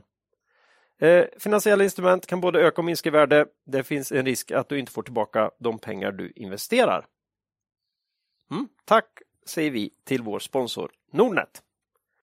Ja, då har det blivit dags för lyssnarfråga. Så är det. Eller lyssnarfrågor. Och idag har Frågor. vi samlat ihop en hög med frågor som rör vår portfölj och hur vi jobbar med den. Ja men precis, vi har ju grävt, vi, vi fick in massa frågor och vi får in löpande frågor så nu har vi valt ut några som handlar lite grann om hur vi jobbar med portföljen i firman. Så säga.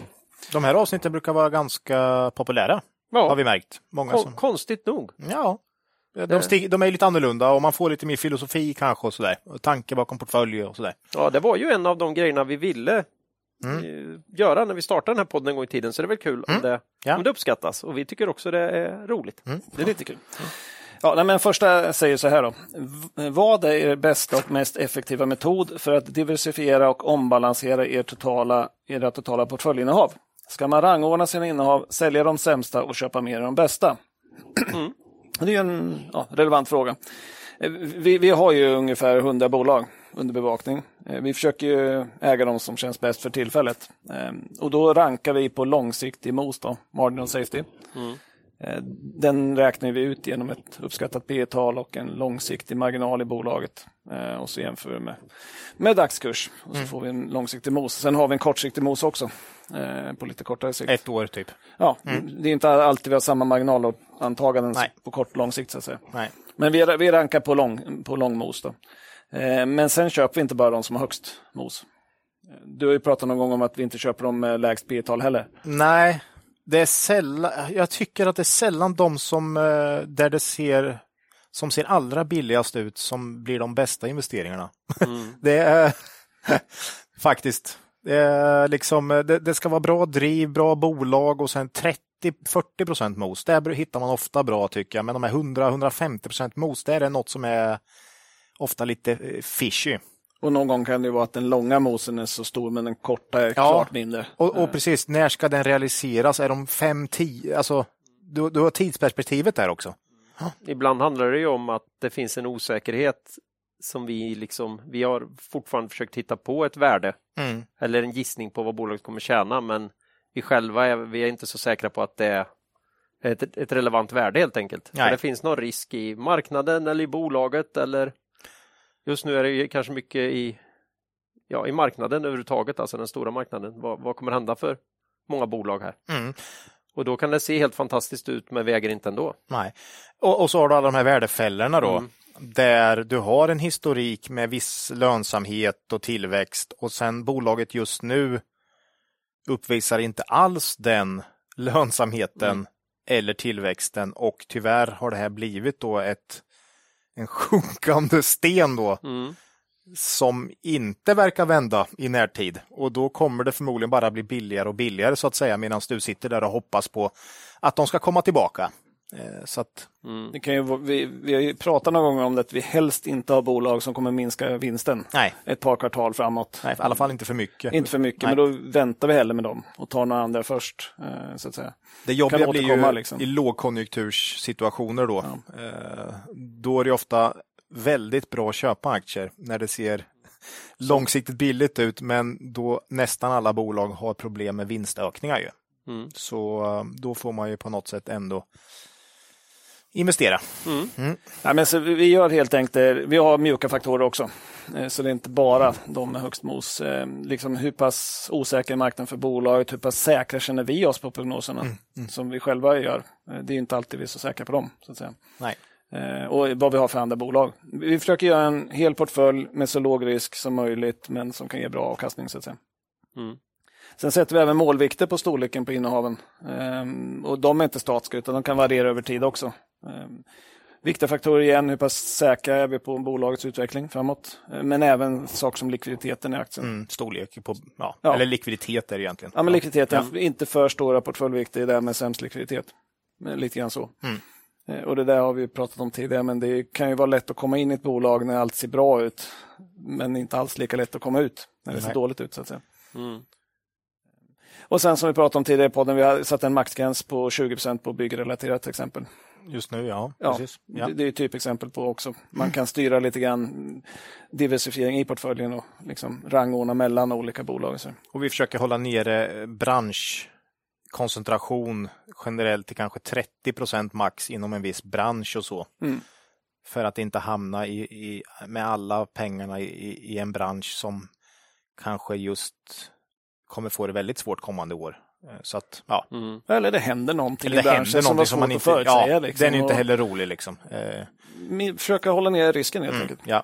I någon sorts portföljtänk mm. det hela. Ja.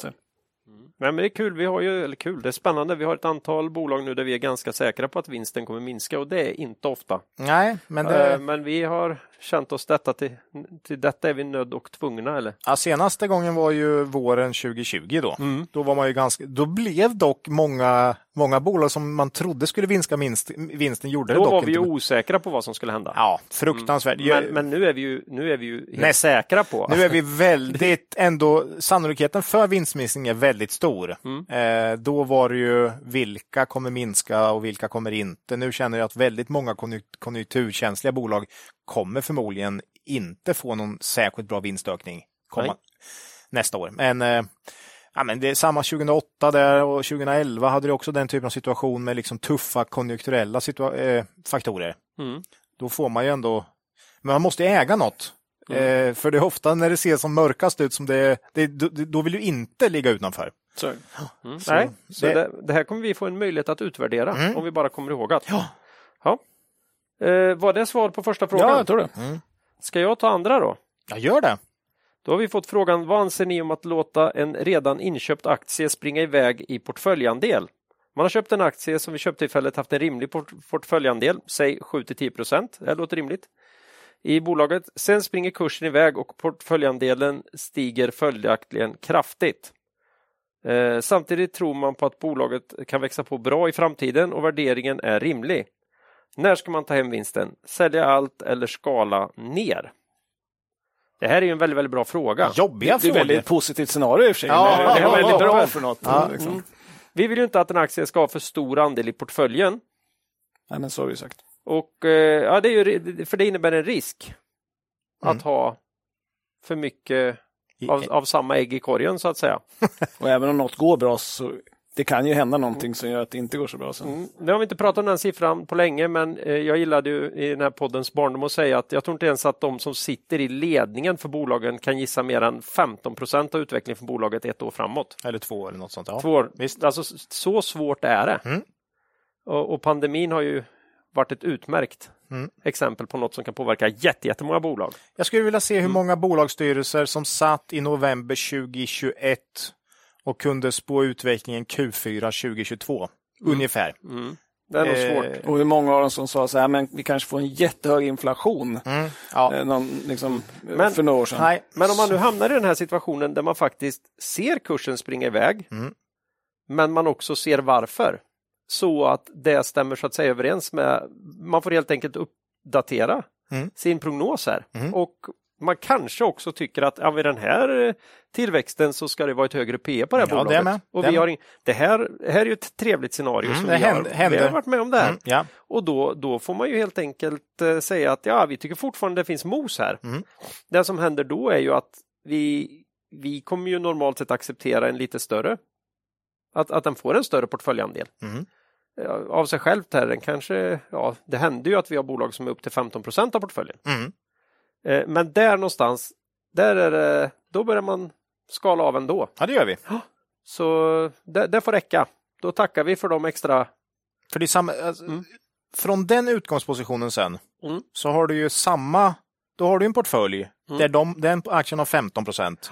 Och om, om det händer något där då, Mm. du vet ju aldrig när en sån här Nej. oförutsedd händelse händer. Ja, Eller att det här visar sig inte vara så uthålligt Nej. som alla hade. ja, men jag känner, du kan lika gärna ha fel i den Mm. som i aktie 2 eller Mm. aktie 3 där. Så att då börjar vi eh, Mm. minska ner. Så att den får liksom inte bli större än så, för du, har ju, Mm. du kan ju tappa väldigt mycket om, om, om, om den då går ner 50 procent därifrån. Så att säga. Så att, mm. Och ett annat scenario är ju att vi inte liksom skruvar upp. Vi tycker att oj vad den sprang iväg. Mm. Eh, vi hinner liksom inte riktigt med för vi gillar historik. Mm. Vi tror inte på de här nya, Det här är eh, lite nya vanligare, marginalen. lite eller, vanligare för oss Ja, tyvärr. Då säljer vi av. Mm. När vi har 5-6 procent mos kvar då är det ofta Tack och hej. Då är det tomt. Mm. Men sen så, sen så fortsätter det här bolaget att trumma på. Eh, ja, då kanske vi kommer in igen. Ja.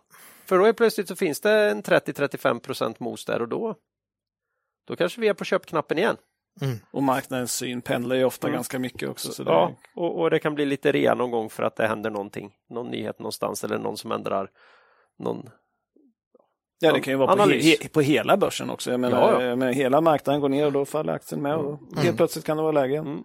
Men eh, nej, vi, vi, vi låter inte en redan inköpt aktie springa iväg hur långt som helst. Nej. Men eh, ser vi och förstår anledningen, håller med om anledningen till att den ökar i värde, då, Ja, då får det gärna vara... då hänger vi på. Och Ja. förstår vi inte den, ja då är ju mosen snart uppnådd, så då säljer vi ju. Och i frågan sa han väl att eh, det växer på i- bra i framtiden och värderingen är rimlig fortfarande. Ja. Så det är väl det där skon Mm. klämmer också. Vissa bolag springer iväg utan att det har hänt någonting. Så blir värderingen kanske inte rimlig längre. Nej. Men det är ju ingen så skillnad det- på det scenariot eller när vi hittar ett nytt bolag som vi tycker att det här är ju helt, helt fantastiskt. Gud vad billigt och bra det här är. Vi Mm. köper inte in mer än 10 procent ändå initialt. Nej. Så det är ingen skillnad. Nej. Men sen kan man ju säga, vi, vi håller ju inte på att jaga ten-baggers. Vi räknar ju inte med att köpa någonting som ska upp tio, tio Nej. gånger. Så Nej. säga, det är en del som har det som sport att försöka leta på så många som möjligt sådana. Så. Nej, vi, gör- vi gör ju hellre flera små resor. Mm. Ska man leta 10 baggers då har du förmodligen en hel del minus 80 procentare också i din portfölj. Och Mm. Det är där, det är vad vi verkligen inte gillar. Mm. Eh, plum, Eller, eller så köper man sådana här etta-nolla-bolag. Liksom, ja, som, jo, men det är ju det så. kan bli jättebra, Ja, men 10 förmodligen blir det dåligt. Liksom. Jag tror snittavkastningen kan bli ganska dålig då ändå, tyvärr. Ja, det är väl därför vi gör så här istället. Ja, framförallt är den jobbig att ta år då man inte hittar en 10 bagger, för då är det ju, kan det ju vara riktiga tunga år. Ja, never lose money. Never lose money, precis. Mm. Det var Eh, det. det var svaret på den va? Mm. Då är det Olas tur här. Just det, när ni letar bolag till portföljen, hur stor vikt läggs vid VDs och ledningens ägande? Vissa anser att det är helt avgörande och att de inte investerar om inte ledningen har ett stort ägande. Är ni lika kategoriska? Svar nej kan vi säga direkt. Vi- När vi är... Är vi klara? Där? Nej. Nej, som alla vet så vi går ju väldigt mycket på historik. Mm. Eh, och har ett bolag en uppvisad fin historik så tycker vi det är ett bevis på att ägandet inte har varit avgörande för bolagets fina utveckling, om de nu inte äger något. Mm. Eh, vi vill också eh, se gärna att ledning och det är bra huvudägare och allt, för det, det brukar kännas bättre i, i, ma- i, Mm. I, brö- i hjärtat. Ja, men man vill ju att an andra Ja. ska känna samma smärta som man själv gör när det inte går bra. Ja, lite också även eh, vara med när det går bra på något sätt. Man vill sitta i samma båt. Man undrar ju lite grann också om, om det nu har gått så här bra. Såg inte de det i bolaget och varför köpte de inga aktier? Nej, precis. Eh, Men alla har inte samma intresse för att äga. Nej, vi kollar på historik och om den är fin i bolaget så köper vi oavsett, för då, då visar ju att bolaget har en, lyckats oavsett. Och VBG här tycker vi är ett väldigt bra exempel på det, för de får ju ofta tas ju ofta upp liksom, eh, som bolag, ett bolag som har dåliga huvudägare och lågt ägande i ledningen. Eh, och här tycker vi då att den långa historiken med vinstökning på 17 procent per år i snitt över 10 år räcker för att avfärda liksom kritiken om att de äger lite. Men man kan fortfarande kritisera dem för det, men vi tycker inte det visar det på att de... inte ett problem nej, det är upp, uppenbart inte så att vd då har underpresterat, eller så säger de kanske att ja, men det kanske hade gått upp 30 procent per år.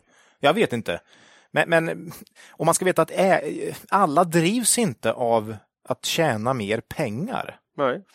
Eh, men, men, VBG tycker jag definitivt. Han, har suttit i, han ska ju avgå nu då. Eh, han har suttit i 20 år och genererat långt mycket bättre avkastning till sina ägare än börsen som snitt. Mm. Då tycker vi han har gjort ett bra jobb helt enkelt och har, han har visat ju på att det inte har betytt så mycket att han har haft väldigt lite ägande. Nej. Om något. Eh, men som sagt, vi vill gärna att de äger, men, men det är absolut inget vi, vi ser som ett krav, utan historiken är viktig för oss. Eh, I, i, i bolag i, liksom med kort historik och i tidig fas, där är det ju extremt viktigt dock. Mm. Men de, sådana bolag investerar vi nästan aldrig i på börsen. Däremot utanför börsen har vi gjort det några gånger och då är ju, tycker jag det är väldigt viktigt. Bet on the jockey. Ja, lite så, precis. Men, men de här VBG, alltså de här bolagen med 50% historik och, och, och bra track record, nej, då tycker jag inte det spelar så stor ja. Jag tror att det här hänger ihop. Nej, man... Nej, jag sa bara att det kan vara viktigt för andra typer av investerare som investerar lite annorlunda. Ja, ja, ja. Eh, definitivt. Men, ja. men, just för den så som vi ser på det Nej. så blir det inte riktigt lika avgörande. Nej. Tycker... Och går man tillbaka i poddens historia och lyssnar så låter vi lite annorlunda nu. Vi pratade ganska mycket om det här med kött och blod, eller mm, väldigt mm. mycket och vi ville ha det ägarlistan. Ja, och så här. Ja, ja. Eh, då får man väl vara ärlig och säga att vi har ju vandrat upp en del mm. på listorna själva. Ja. I, på small cap säger jag, och kanske till och med lite mindre small cap, så är det här mycket viktigare. Ja, det det. För de, den typen av bolag står inför större risker och mm, mm. det blir liksom, har du färre miljoner i, på sista raden så så kan problem bli jobbiga mycket fortare än för ett, för ett bolag som omsätter 5 miljarder och mm. tjänar 500. Ja. Så, så därför så tror jag att det här har blivit lite mindre viktigt för oss, men för många av våra lyssnare som då är tyngre kanske och letar på small cap, ja, de där, där det inte är så trångt med mm, ja. andra analytiker och sådana som oss. Mm. Där kanske man fortfarande ska säga att det är viktigt. Det, det, är lite knepigt med ett ganska litet bolag om det, om det inte finns kött och blod i ägarlistan, ja. för då är det något konstigt som har hänt mm. ofta. Men jag håller med dig, just mm. poängen med hur stort bolaget är. Mm. Det är lite därför vi letar det vi letar, för då har man kommit över den här första tröskeln mm. och kunnat bevisa med historiken att man är ett bra bolag. Mm. Men mm. är man på ett väldigt litet bolag har man inte kunnat bevisa den mm. och då blir ledningen ännu viktigare. Ledningen är svinviktig, men just ägandet det är två olika grejer tycker ja, vi. Eh, led, att ledningen är viktig, det, mm. det, det, är nog jävligt ja. många överens om. Mm. Men att de måste vara så jäkla stora ägare jämt, den, den eh, nej, det tycker nog inte vi. Så det är två olika grejer också. Nej, det är två olika grejer. Mm. Det är det definitivt. Men att ledningen är viktig, det, det håller nog alla med om. Ja. Det mm. finns nästan inget företag man inte kan sumpa mm. om, man, om man slarvar och gör det dåligt såklart. Eh, Nej, vi har tagit upp Prevas resa till exempel. Ja, som ett exempel precis. på det. Precis. Mm. Mm. mm. Nej, så, så är det. Så, så är det. Mm. Ska jag ta eh, nästa med här det kanske? får du. Eh, fråga då. Jag förstår eh, att de, jag förstår om ni inte vill gå ut med siffror eller outa eh, Marcus här. Nej, Nej det var det inte. Outa er historik, mm. men jag tycker att ni sällan tar upp vad ni själva har för avkastningskrav i reella, term, i reella tal. Vad väntar ni er för avkastning när ni köper en aktie? Förstår ju att det kan vara olika, men det är ju inte så att ni bara letar sånt som taktar på i 7% per år. Nej, Nej eh, 7% per år det är ju börsen ungefär, så då hade man ju kunnat köpa index lika gärna, mm. tycker jag, om man hade haft det som mål. Mm. Då hade jag nog inte orkat sitta här. Eller då hade det ju känts helt meningslöst skulle jag säga. Mm. För då hade jag ju kört indexfond. Men mysigt av podd. Ja, och mysigt av podd. Men jag tror inte vi hade fått så mycket lyssnare om vi bara hade gått in varje gång och sagt nu har vi köpt en ny indexfond. Snacka Jaha. index. Vet du. Ja, okay. ja. Nej, eh, vi har tagit upp här faktiskt i vårt det här populära frågeavsnittet då. Ja. 108 tror jag det var om jag kommer ihåg rätt. Bara frågor. Bara frågor. Där tog vi upp vår historik eh, faktiskt och den är nu, eh, kollade idag faktiskt, en kaggare på ungefär 32 procent per år. Och nu är det snart över 19 år då, eftersom nästan ett år till har gått här då. Eh, OMX SB har under samma tid en kagger på cirka 7 procent per år. Eh, och 2022 är vi några enstaka procent plus så här långt. Eh, det är ju väldigt bra jämfört med index men har dragit ner kagger något i och med att det är långt under de här 32 då. Mm. Mm. Så Ganska att, svårt börsår ändå. Mycket svårt. Ja. Mm. Så det är historiken för portföljen. Eh, när vi investerar då eh, brukar vi säga minst 30% margin of safety, det vill säga till vårt motiverade värde. Då. Mm. Eh, och om det då skulle infrias på ett år, ja, då har du ju 30% upp då. Mm. Eller hur? Eh, nu vet man ju inte det här med tiden, det är ju jäkligt jobbigt. Men om man liksom investerar i aktier man uppfattar med den minst den margin of safety och samtidigt är det bra bolag som ökar vinsten så är sannolikheten att det sker hyggligt fort i alla fall. Mm. Inom ett par år är ganska stor och i snitt kanske det blir något år så. Mm. Eh, och ja, då ska man kunna ligga där om man kan identifiera de här då, så att säga. Eh, vi har avkastningsmål på portföljen som helhet men inte enskilda aktier så då, att vi säger att det ska... Nej, det är en viktig poäng här. Ja, eh, vi har för portföljen som helhet och där har vi plus 15 procentenheter mot OMX SPI per år. Mm. Det har vi som mål eh, att avkasta då. Eh, och sen att varje investering då har en mos på minst 30 procent. Här kan man säga att avkastningskravet kom väl in lite indirekt via ett uppskattat rimligt P tal som sen ger mosen så att säga. Ja, så är det ju. Vi, vi kollar ju på tillväxt, vinsttillväxt, omsättningstillväxt. Vad motiverar den här så att säga fabrik, pengafabriken som det här företaget är? Vad motiverar det för, för eh, P-tal? Mm. Och så kollar vi mot nuvarande värde och så blir det någon form av margin of safety där. Mm. Eh, och ja, eh, ja det, vi ligger alltså strax över 30 procent då eh, historiskt så att det verkar som att vi ändå kan hitta just den typen av bolag en hel del. Mm.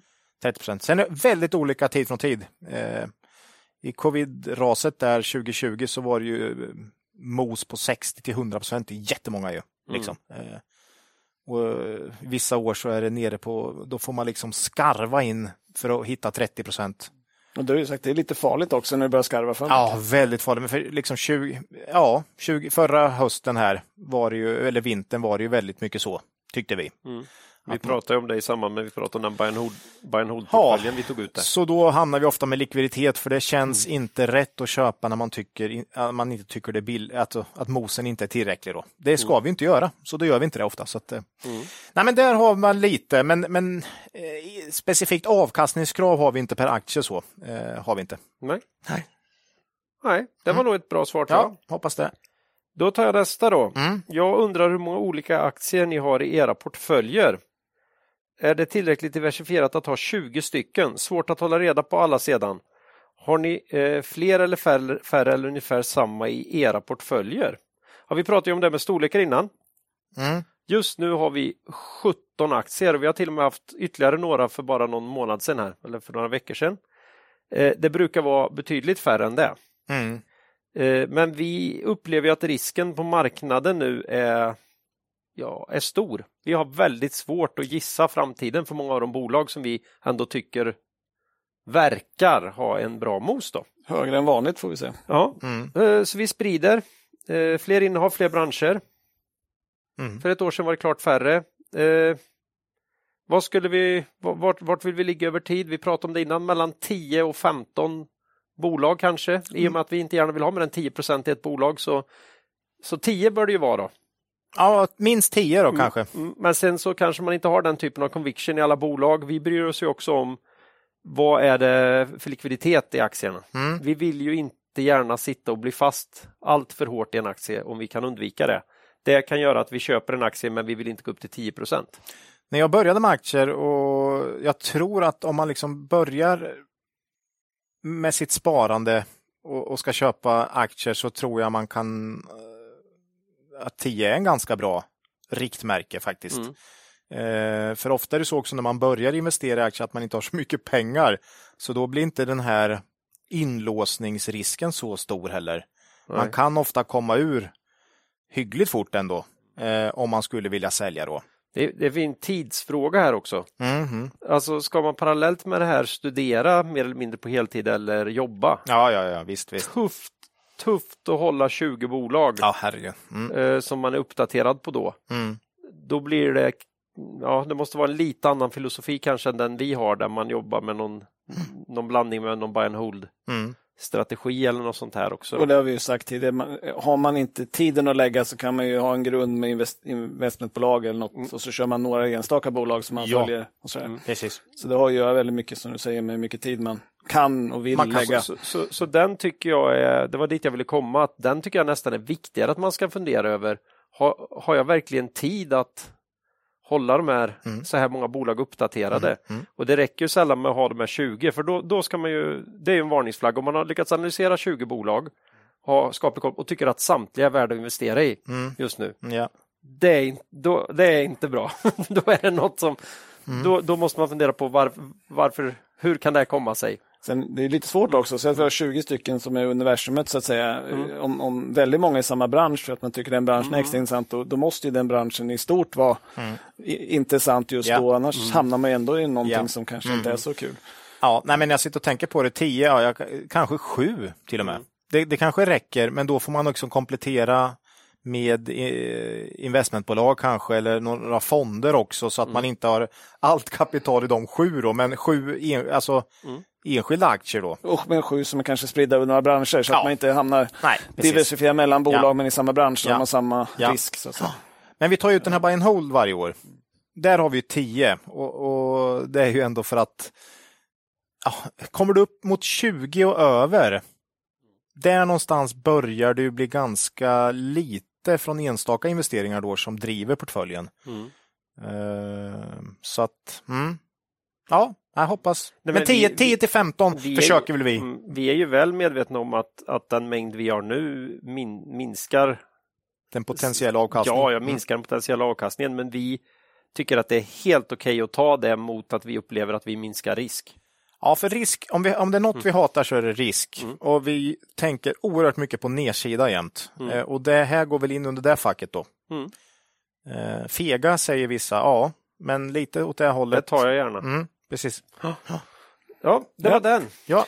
Då fortsätter vi. Mm. Eh, då nästa fråga. I er gemensamma kapportfölj, hur många olika bolag har ni haft under exempelvis tre till fem år? Jag vågar mig på en gissning om 45 stycken unika bolag under den här perioden. ja, det tycker jag är bra. Det kanske kan ha gått och suttit och på något sätt. Nej, jag vet inte. Det är Nej. svårt för någon annan. Vi hade ju ingen aning. Nej. Men vi tyckte det var en kul fråga. Ja, jävligt kul att för gå tillbaka. Hade, mm. Vi hade ju inte tittat på det. Nej. Men vi fick göra det. Mm. Så det var ju roligt. Hur många var det? Ja, men för, först då, så vi tog bort alla aktier där det var mindre än 10 transaktioner. Mm. För att inte få med sig om vi köpte en liten bevakningspost som vi sålde för det var ingenting och så vidare. Ja, ja. Det, det, känns inte som relevant att ta med. Så att nej, nej. Det är ingenting som har bidragit med någon sorts avkastning. Nej, eller något sånt. Eh, så vi tog bort dem. Ja. Med den begränsningen så blev det då 55 bolag på fem år.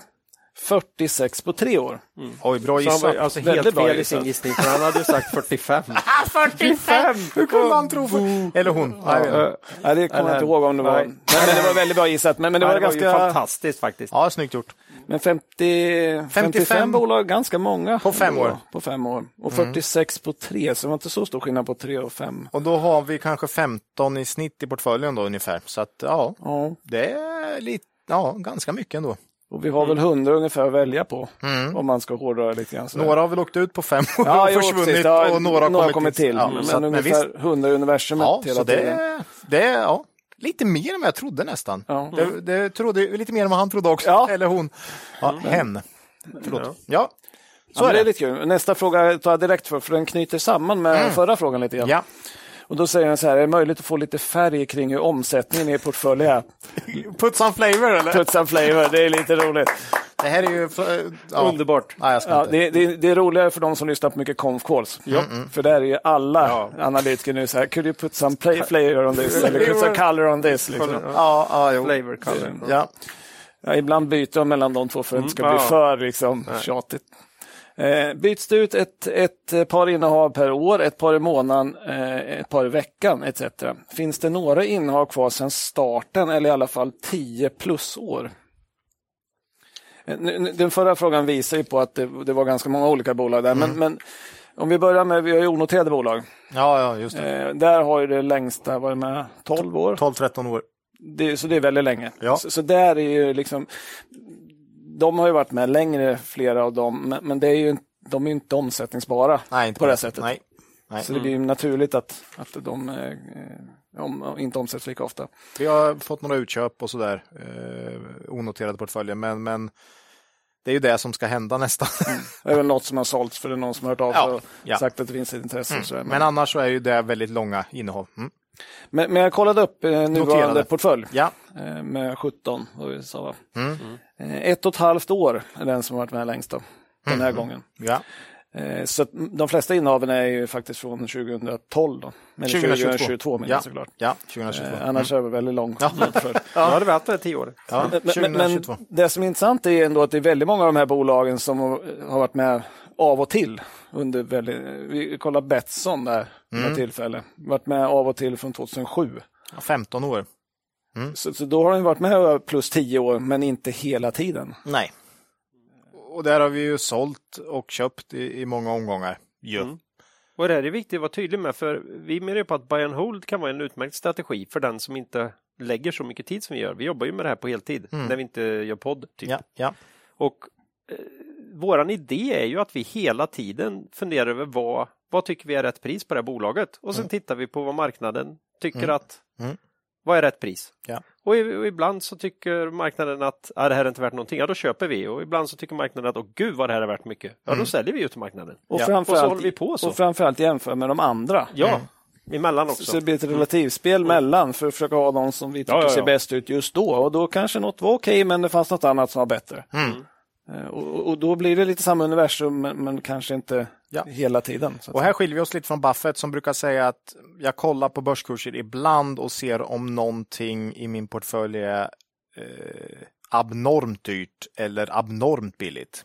Då kan jag köpa mer eller sälja. Annars så gör han ingenting. ingenting. Medan vi verkligen försöker hela tiden fundera på vad som är den optimala portföljen. Mm. Men han har svårt att omsätta sin han portfölj. Han har fruktansvärt svårt. Men det här, ja, ja. Så, så, så, att han, eh, det får väl bli så då. Men, men, vi försöker hela tiden optimera. Det går inte att sitta varje... Ja, men vi har ändå, försöker hela tiden att, att ha någon form av optimal portfölj som vi känner. Mm. Mm. Och snarare är det väl så att vi har ju, vi har ju några olika Excel-ark, men vi har ett Excel-ark där vi har alla, alla våra intressebolag, de vi, de vi har koll på så att säga. Mm. Och eh, då och då händer det att det, något bolag där får åka längst ner, har vi en liten, mm. en liten funktion så vi skickar iväg det. Och då, det, då känner jag ofta att nu släpper vi det bolaget. Mm, mm, för, för, för det har stuckit ifrån. Antingen så har det svikit oss och det grövsta, mm. sig självt. Mm. Eh, det är inte det vi trodde, vi kan inte längre, vi kan inte gissa längre, någonting är fel.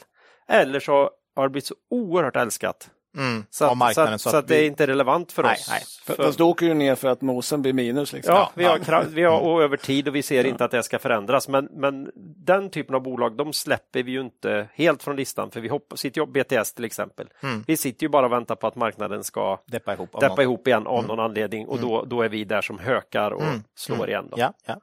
Eh, så, så, den list, vi har ju liksom en lista där vi är väldigt, väldigt långsiktiga. På den listan är det många bolag som varit med sedan det här företaget ja, ja, ja. vår verksamhet startade ja. för, för 20 år sedan ungefär. En hel del har köpts upp såklart, mm. men, men eh, många är med där. Mm. Så, så, så, där har vi ju en enorm långsiktighet. Ja, mm. precis. I bevakningslistan så att säga. Mm. Så, så, så är det ju. Så är det med det. Mm. Det var den frågan. Mm. Uh, ja. Nu är framme i sista tror jag. Då är det, det sista, sista den skulle jag ta ja. ja den får du eh, Kort och koncis, men inte lättare för det, tycker jag. Jobbigt. Vad tycker ni är er mest värdefulla edge mot resten av marknaden? Mm.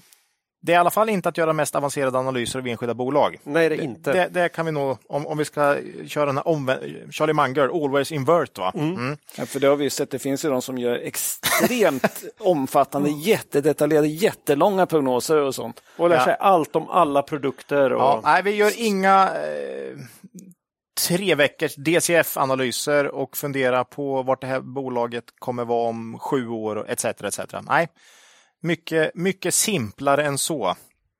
Vi tror att kanske vår största edge är, är egentligen inte vad vi gör utan vad vi inte gör.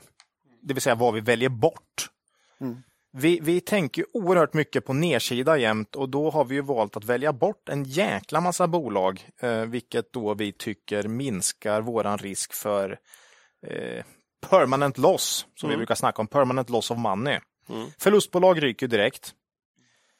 Bolag som är beroende av makrofaktorer som räntor, råvaror försöker vi hålla oss undan. Ja, i, i, till stor del. Till stor del. Alla bolag är ju det någonstans. Någonstans, men, men där du har... Helt... Ja, men liksom som de här, ett bolag som utvinner koppar, är gruvbolag till exempel. De är oerhört... Eller köper och förvaltar fastigheter. Ja, typ. Mm. Vi tar bort komplexa bolag. Kanske inte komplexa för alla, men för oss, vi tycker att det är för, för svårt mm. helt enkelt. Vi tar bort bolag med för kort historik mm. eller för dålig historik. Vi jobbar också bara med bolag i, i, i lagom storlek, det vill säga vi tar bort de små bolagen, vi tar bort för stora bolag. Och där brukar vi säga midcap ungefär ju. Mm. Någonstans midcap. Eh, och det är ju också då för att de har bevisat sig, men fortfarande mycket kvar att växa. Ja, och, och det här tog ju Johan upp tidigare i det här avsnittet, just det med, det är ju samma anledning som vi inte är på, på large cap, att där är det, det, är ett svårt lopp att vinna. Då löper du mot de bästa löparna i världen om du ska mm. veta mer om ja. veta mer om Atlas Copco. Det, det, kommer vi aldrig Nej. Det kommer vi aldrig kunna göra. Nej, det är ju fördelen med att dels är de bolagen så stora så att de är väldigt komplexa att analysera mm. Mm. och sen en massa andra som gör det. Så varför ska vi försöka? Nej, ja. Vi försöker inte ens. Nej. Och att vi väljer bort här tycker vi, liksom, bara det i grunden skapar bra förutsättningar för överavkastning. Mm. Faktiskt. Det är lite skämtsamt att säga att vi tror egentligen om man tog vårt universum och kastade pil på det så skulle man gissningsvis överträffa index. Ja, eh, vi tror det. Nu, nu, ska ni komma ihåg att Doro och Carium fortfarande finns med där. Så då. Nu får vi se vart pilen träffar. Här. Ja, träffar långt ner på listan. det, det, är därför vi inte har, för även om det är så, så har man, alltså, man har ändå fel. Ja, ja, ja, så, så, oj, så, så, då gäll, fel. så då gäller det att inte uh, ha 30 procent i just det. Då. Nej, uh, och det har vi pratat om, att det är viktigt om man har fel att försöka identifiera när man har fel och ja. förlora så lite som möjligt. Skämt åsido, jag tror också att uh, vi skulle klå börsen. Mm. Mm. Att undvika plumparna är oerhört viktigt och det är fruktansvärt kostsamt för en portfölj om man har ett par aktier som tappar, tappar substantiellt. Då får man bort dessa gör det underverk, tror vi. Och, mm. Eller vi vet att det är så. Eh, så det är, den första är väl egentligen vad vi väljer bort. Den andra är nog att vi är bra, tycker jag, på att begränsa förlusterna när mm. det inte går som vi trott. Ja, eh, det är bara att riva av plåstret direkt. Ja, i och med att vi vet när vi investerar vad vi tror och tycker, hoppas på ska hända i det här bolaget, så vet vi också när det inte händer.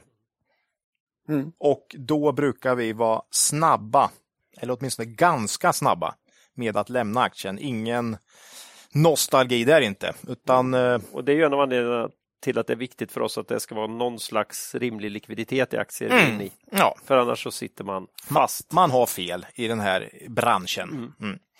Det tredje här och Det kan ju vara någonting som är fel på, inte på jättelång sikt. Vi kan komma tillbaka någon gång när ja. det har spelat mm. ut sig något dåligt scenario eller blir bättre igen och så vidare. Ja, precis. Mm. Eh, så nej, alltså det, är, det behöver fortfarande, det långa caset behöver faktiskt inte ha förändrats, utan det kan vara så att vi inser att oj, här blir nog två väldigt jobbiga år för det här bolaget.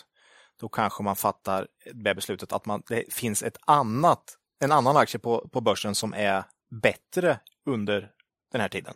Mm. Och just det där med alternativavkastning tycker ja. vi är viktigt. Det kan finnas något som är mm. bättre. Det behöver ja. inte vara jättedåligt, Nej. men det kan vara något annat som är bättre. För, varför sålde ni? Ja, det, fin- det är en ständig utvärdering. Det behöver inte så, men vad tycker ni? Det då? Nej, vi tycker faktiskt det är ett väldigt fint bolag och jag tror den är väldigt lågt värderad på sikt, men vi tror att det finns en bättre alternativavkastning någon annanstans just nu. Mm, typ så. Tredje punkten då, om det där var två. Det vill säga, vi, vi är bra på att välja bort, vi är bra på att begränsa förluster när de väl uppstår. Eh, den tredje är de psykologiska aspekterna här. Det, det, det, det, tror jag är en av nycklarna för oss faktiskt. Eh, vi, vi drar sällan med i den här euforin eller depressions... De här depressionstendenserna som börsen har. Nej, eh, FOMO och sånt. Nej, Vi är bra på att hantera de där sakerna tycker jag. Vad det beror på vet jag faktiskt inte riktigt, men i grund och botten är det nog att vi inte är livrädda för att förlora pengar. Eh, vi ser oerhört långsiktigt, eh, investera bara med pengar som vi liksom inte behöver vända på. Vi, vi klarar oss utan dem, i, det korta i alla fall. Mm. Så pratar vi en del om det där också. Ja, är man medveten om det så är det lite större chans ändå att man kanske undviker lite grann av det. Ja, jag känner inte att vi är rädda och oroliga för börsnedgångar, eh, utan för det är väl, ja. Och, vi sitter ju ofta och hoppas på att ja, börsen ska så. ner lite. Jobbigast är nästan när marknaden är extremt optimistisk. Mm. Då, då, tycker jag det är jäkligt tråkigt. Mm. Det är lite som att gå till affären och det inte finns en enda röd prislapp och allt ser svindyrt ut. Det är inte roligt alltså. Men den stora skillnaden är att det är känslan som är då. Det är inte så att agerandet blir, då måste jag hoppa på allting som Nej, rör sig. Precis. Nej. Så, så, att vi har, jag tycker vi hanterar de psykologiska aspekterna. Vi har ju den här Kristoffer mm. som har skrivit många bra böcker om mm. just börspsykologi. Den, det är en jäkla viktig aspekt. Det handlar ofta inte om att vara smartast utan mest disciplinerad och klara av de här mänskliga fällorna. Mm. Och den, den, där tror jag vi, vi, vi hanterar dem bra. Kristoffer mm. håller på att knåpa på en ny bok. Vi hoppas ju kunna få med honom ytterligare en gång i podden här. Vi håller tummarna för att det kan gå i lås här under våren. Ja. Eh, nej, men så summera tre saker. Ett, vi väljer bort. Två, vi begränsar förluster. Tre, vi uppfattar oss ändå som hyggligt bra på de här psykologiska aspekterna. Det är de tre. Så, men då, då var ju faktiskt frågan, vilken mest det är då, en av de mest Då tycker jag nog att vi väljer bort. Jag tror, jag tror om man bara väljer bort, väl, gör en bra liksom, om man avgränsar sitt universum på ett smart, bra sätt så tror jag man tar bort, då har man väldigt bra. Det är mycket vunnet redan Mycket där. vunnet. Så jag, jag, skulle ta den som den viktigaste. Så vi tar ju bort förlust. Det är jäkla förlust, tråkigt svar. De vill ju... Förlustbolag och förhoppningsbolag ja. skiter vi fullständigt i. Ja, det ja. är rätt Och för kort historik och, mm. och så vidare. Ganska tråkigt svar, men jag tror faktiskt det är det som är mm. våran mm. viktigaste Sen, sen har väl uh, eh, Mr Buffett sagt någonting som passar in bra på det där? Eller? Ja, vilken är det nu? You don't have to be smarter than the rest, you just have to be more disciplined than the rest. Ja, mm. och det har vi satt upp här på vårt kontor också. Ja. Vi försöker leva efter det. Eh, han det sammanfattar sagt, ganska bra. Ja, han har väl sagt uh, once you have the IQ to walk from here downtown to uh, downtown Omaha. Mm. Liksom, om du kan ta dig ner till Liksom, ja, men du, Då är du smart nog. Ja, men det, om du är ändå så här mm. rimligt intelligent, alltså, du, normal intelligens. Det spelar, liksom... ja, han sa väl om du har 200 IQ kan du ge bort en del för det behövs inte. Nej, så att du behöver, behöver bara vara mer Nej, det handlar om disciplin och psykologiska saker. Och det är lite ja. tråkigt. Ja, hänvisa igen till avsnitt 108. Mm. Det tycker jag är viktigt här, för där har du också mycket snack om den här Filosofi typen. och sådant. Ja, mm. Mm. faktiskt. Ja. Mm. Det, det var, var sista frågan tror jag. Det var lyssnarfrågorna. Ja. Eh, då, då är det så att vi närmar oss slutet. Eh, nästa avsnitt är nummer 134 som kommer ut torsdag den 19 januari. Oj, det vet vi ingenting om. Det blir något helt annat. Mm. Ja. Det, det, kan vi lova. Spännande. Eh, man kan mejla oss på kontaktet kvalitetsaktiepodden.se eller kommentera på Twitter eh, så länge den finns kvar eller på vår hemsida kvalitetsaktiepodden.se. Jaha, har vi någon riktig makro eller TA värde att ta upp idag? Tomt idag. Nej, det är, är inte, mö, det är inte mö. Det är inte mö. Nej. Jag har en liten grej. Jaha. Ja, det är väldigt liten. Mm -hmm. jag vill bara tipsa om en riktigt bra podd som jag fått tips om av min svåger. Okej, okay, jag antar att det inte är vår podd. Då. Det är, heter Kvalitetsaktiepodden. okay. Nej, det gör det inte. Den heter Krigshistoriepodden. Oj, ja. det är nischat här du. Och och jag har inte kommit så långt, men avsnitt två av den podden heter Varför är Ryssland så dåliga på krig? Okay. Och det kan man tycka, åh, de rub it in här då. Mm. Den här spelade de in två år innan ja, senaste invasionen. Oj, okay. Okay. Spännande. Mycket intressant lyssning. Vad, krigs, jag. vad de här, man kan säga de här två, nu mm. kommer jag inte på vad de heter då. Nej. Krigshistoriepodden. Oj, det låter som de ska ha Sabaton som intro till den. De är tre stycken. Vet du vad de gör? Ja. De är också tre stycken. Ja, ja. Men de har två stycken som experter som får prata och en som bara tar hand om tekniken och inte, inte hörs. Det kanske, det nej, kanske klart, skulle nej. kunna vara något för den här podden också. Nej, det skulle kunna vara något för den här podden också. Okay. Eh, jag tyckte, jag tyckte jag har lyssnat på flera avsnitt. Mm. Jag tycker det här är jätteintressant. Ja, jo, jag gillar också krigshistoria. Eh, ja. om man måste då acceptera att krig är någonting som alltid har funnits mm. och som vi kanske tyvärr måste räkna med alltid kommer mm. eh, kommer finnas och då kan man intressera sig för det och de försöker göra det med en viss distans och med viss, ja faktiskt lite humor. Även Mm. om det de pratar om är, naturligtvis är fruktansvärda saker. Ja, ja. Mm.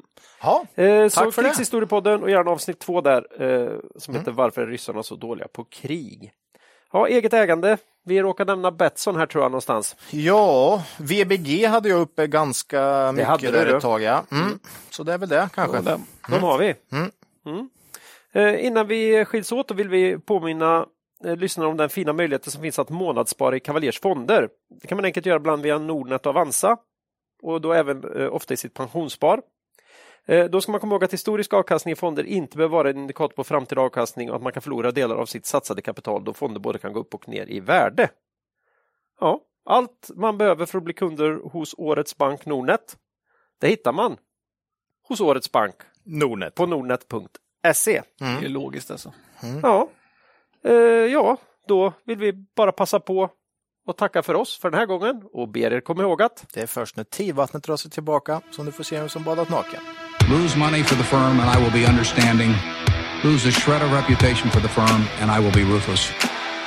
I welcome your questions.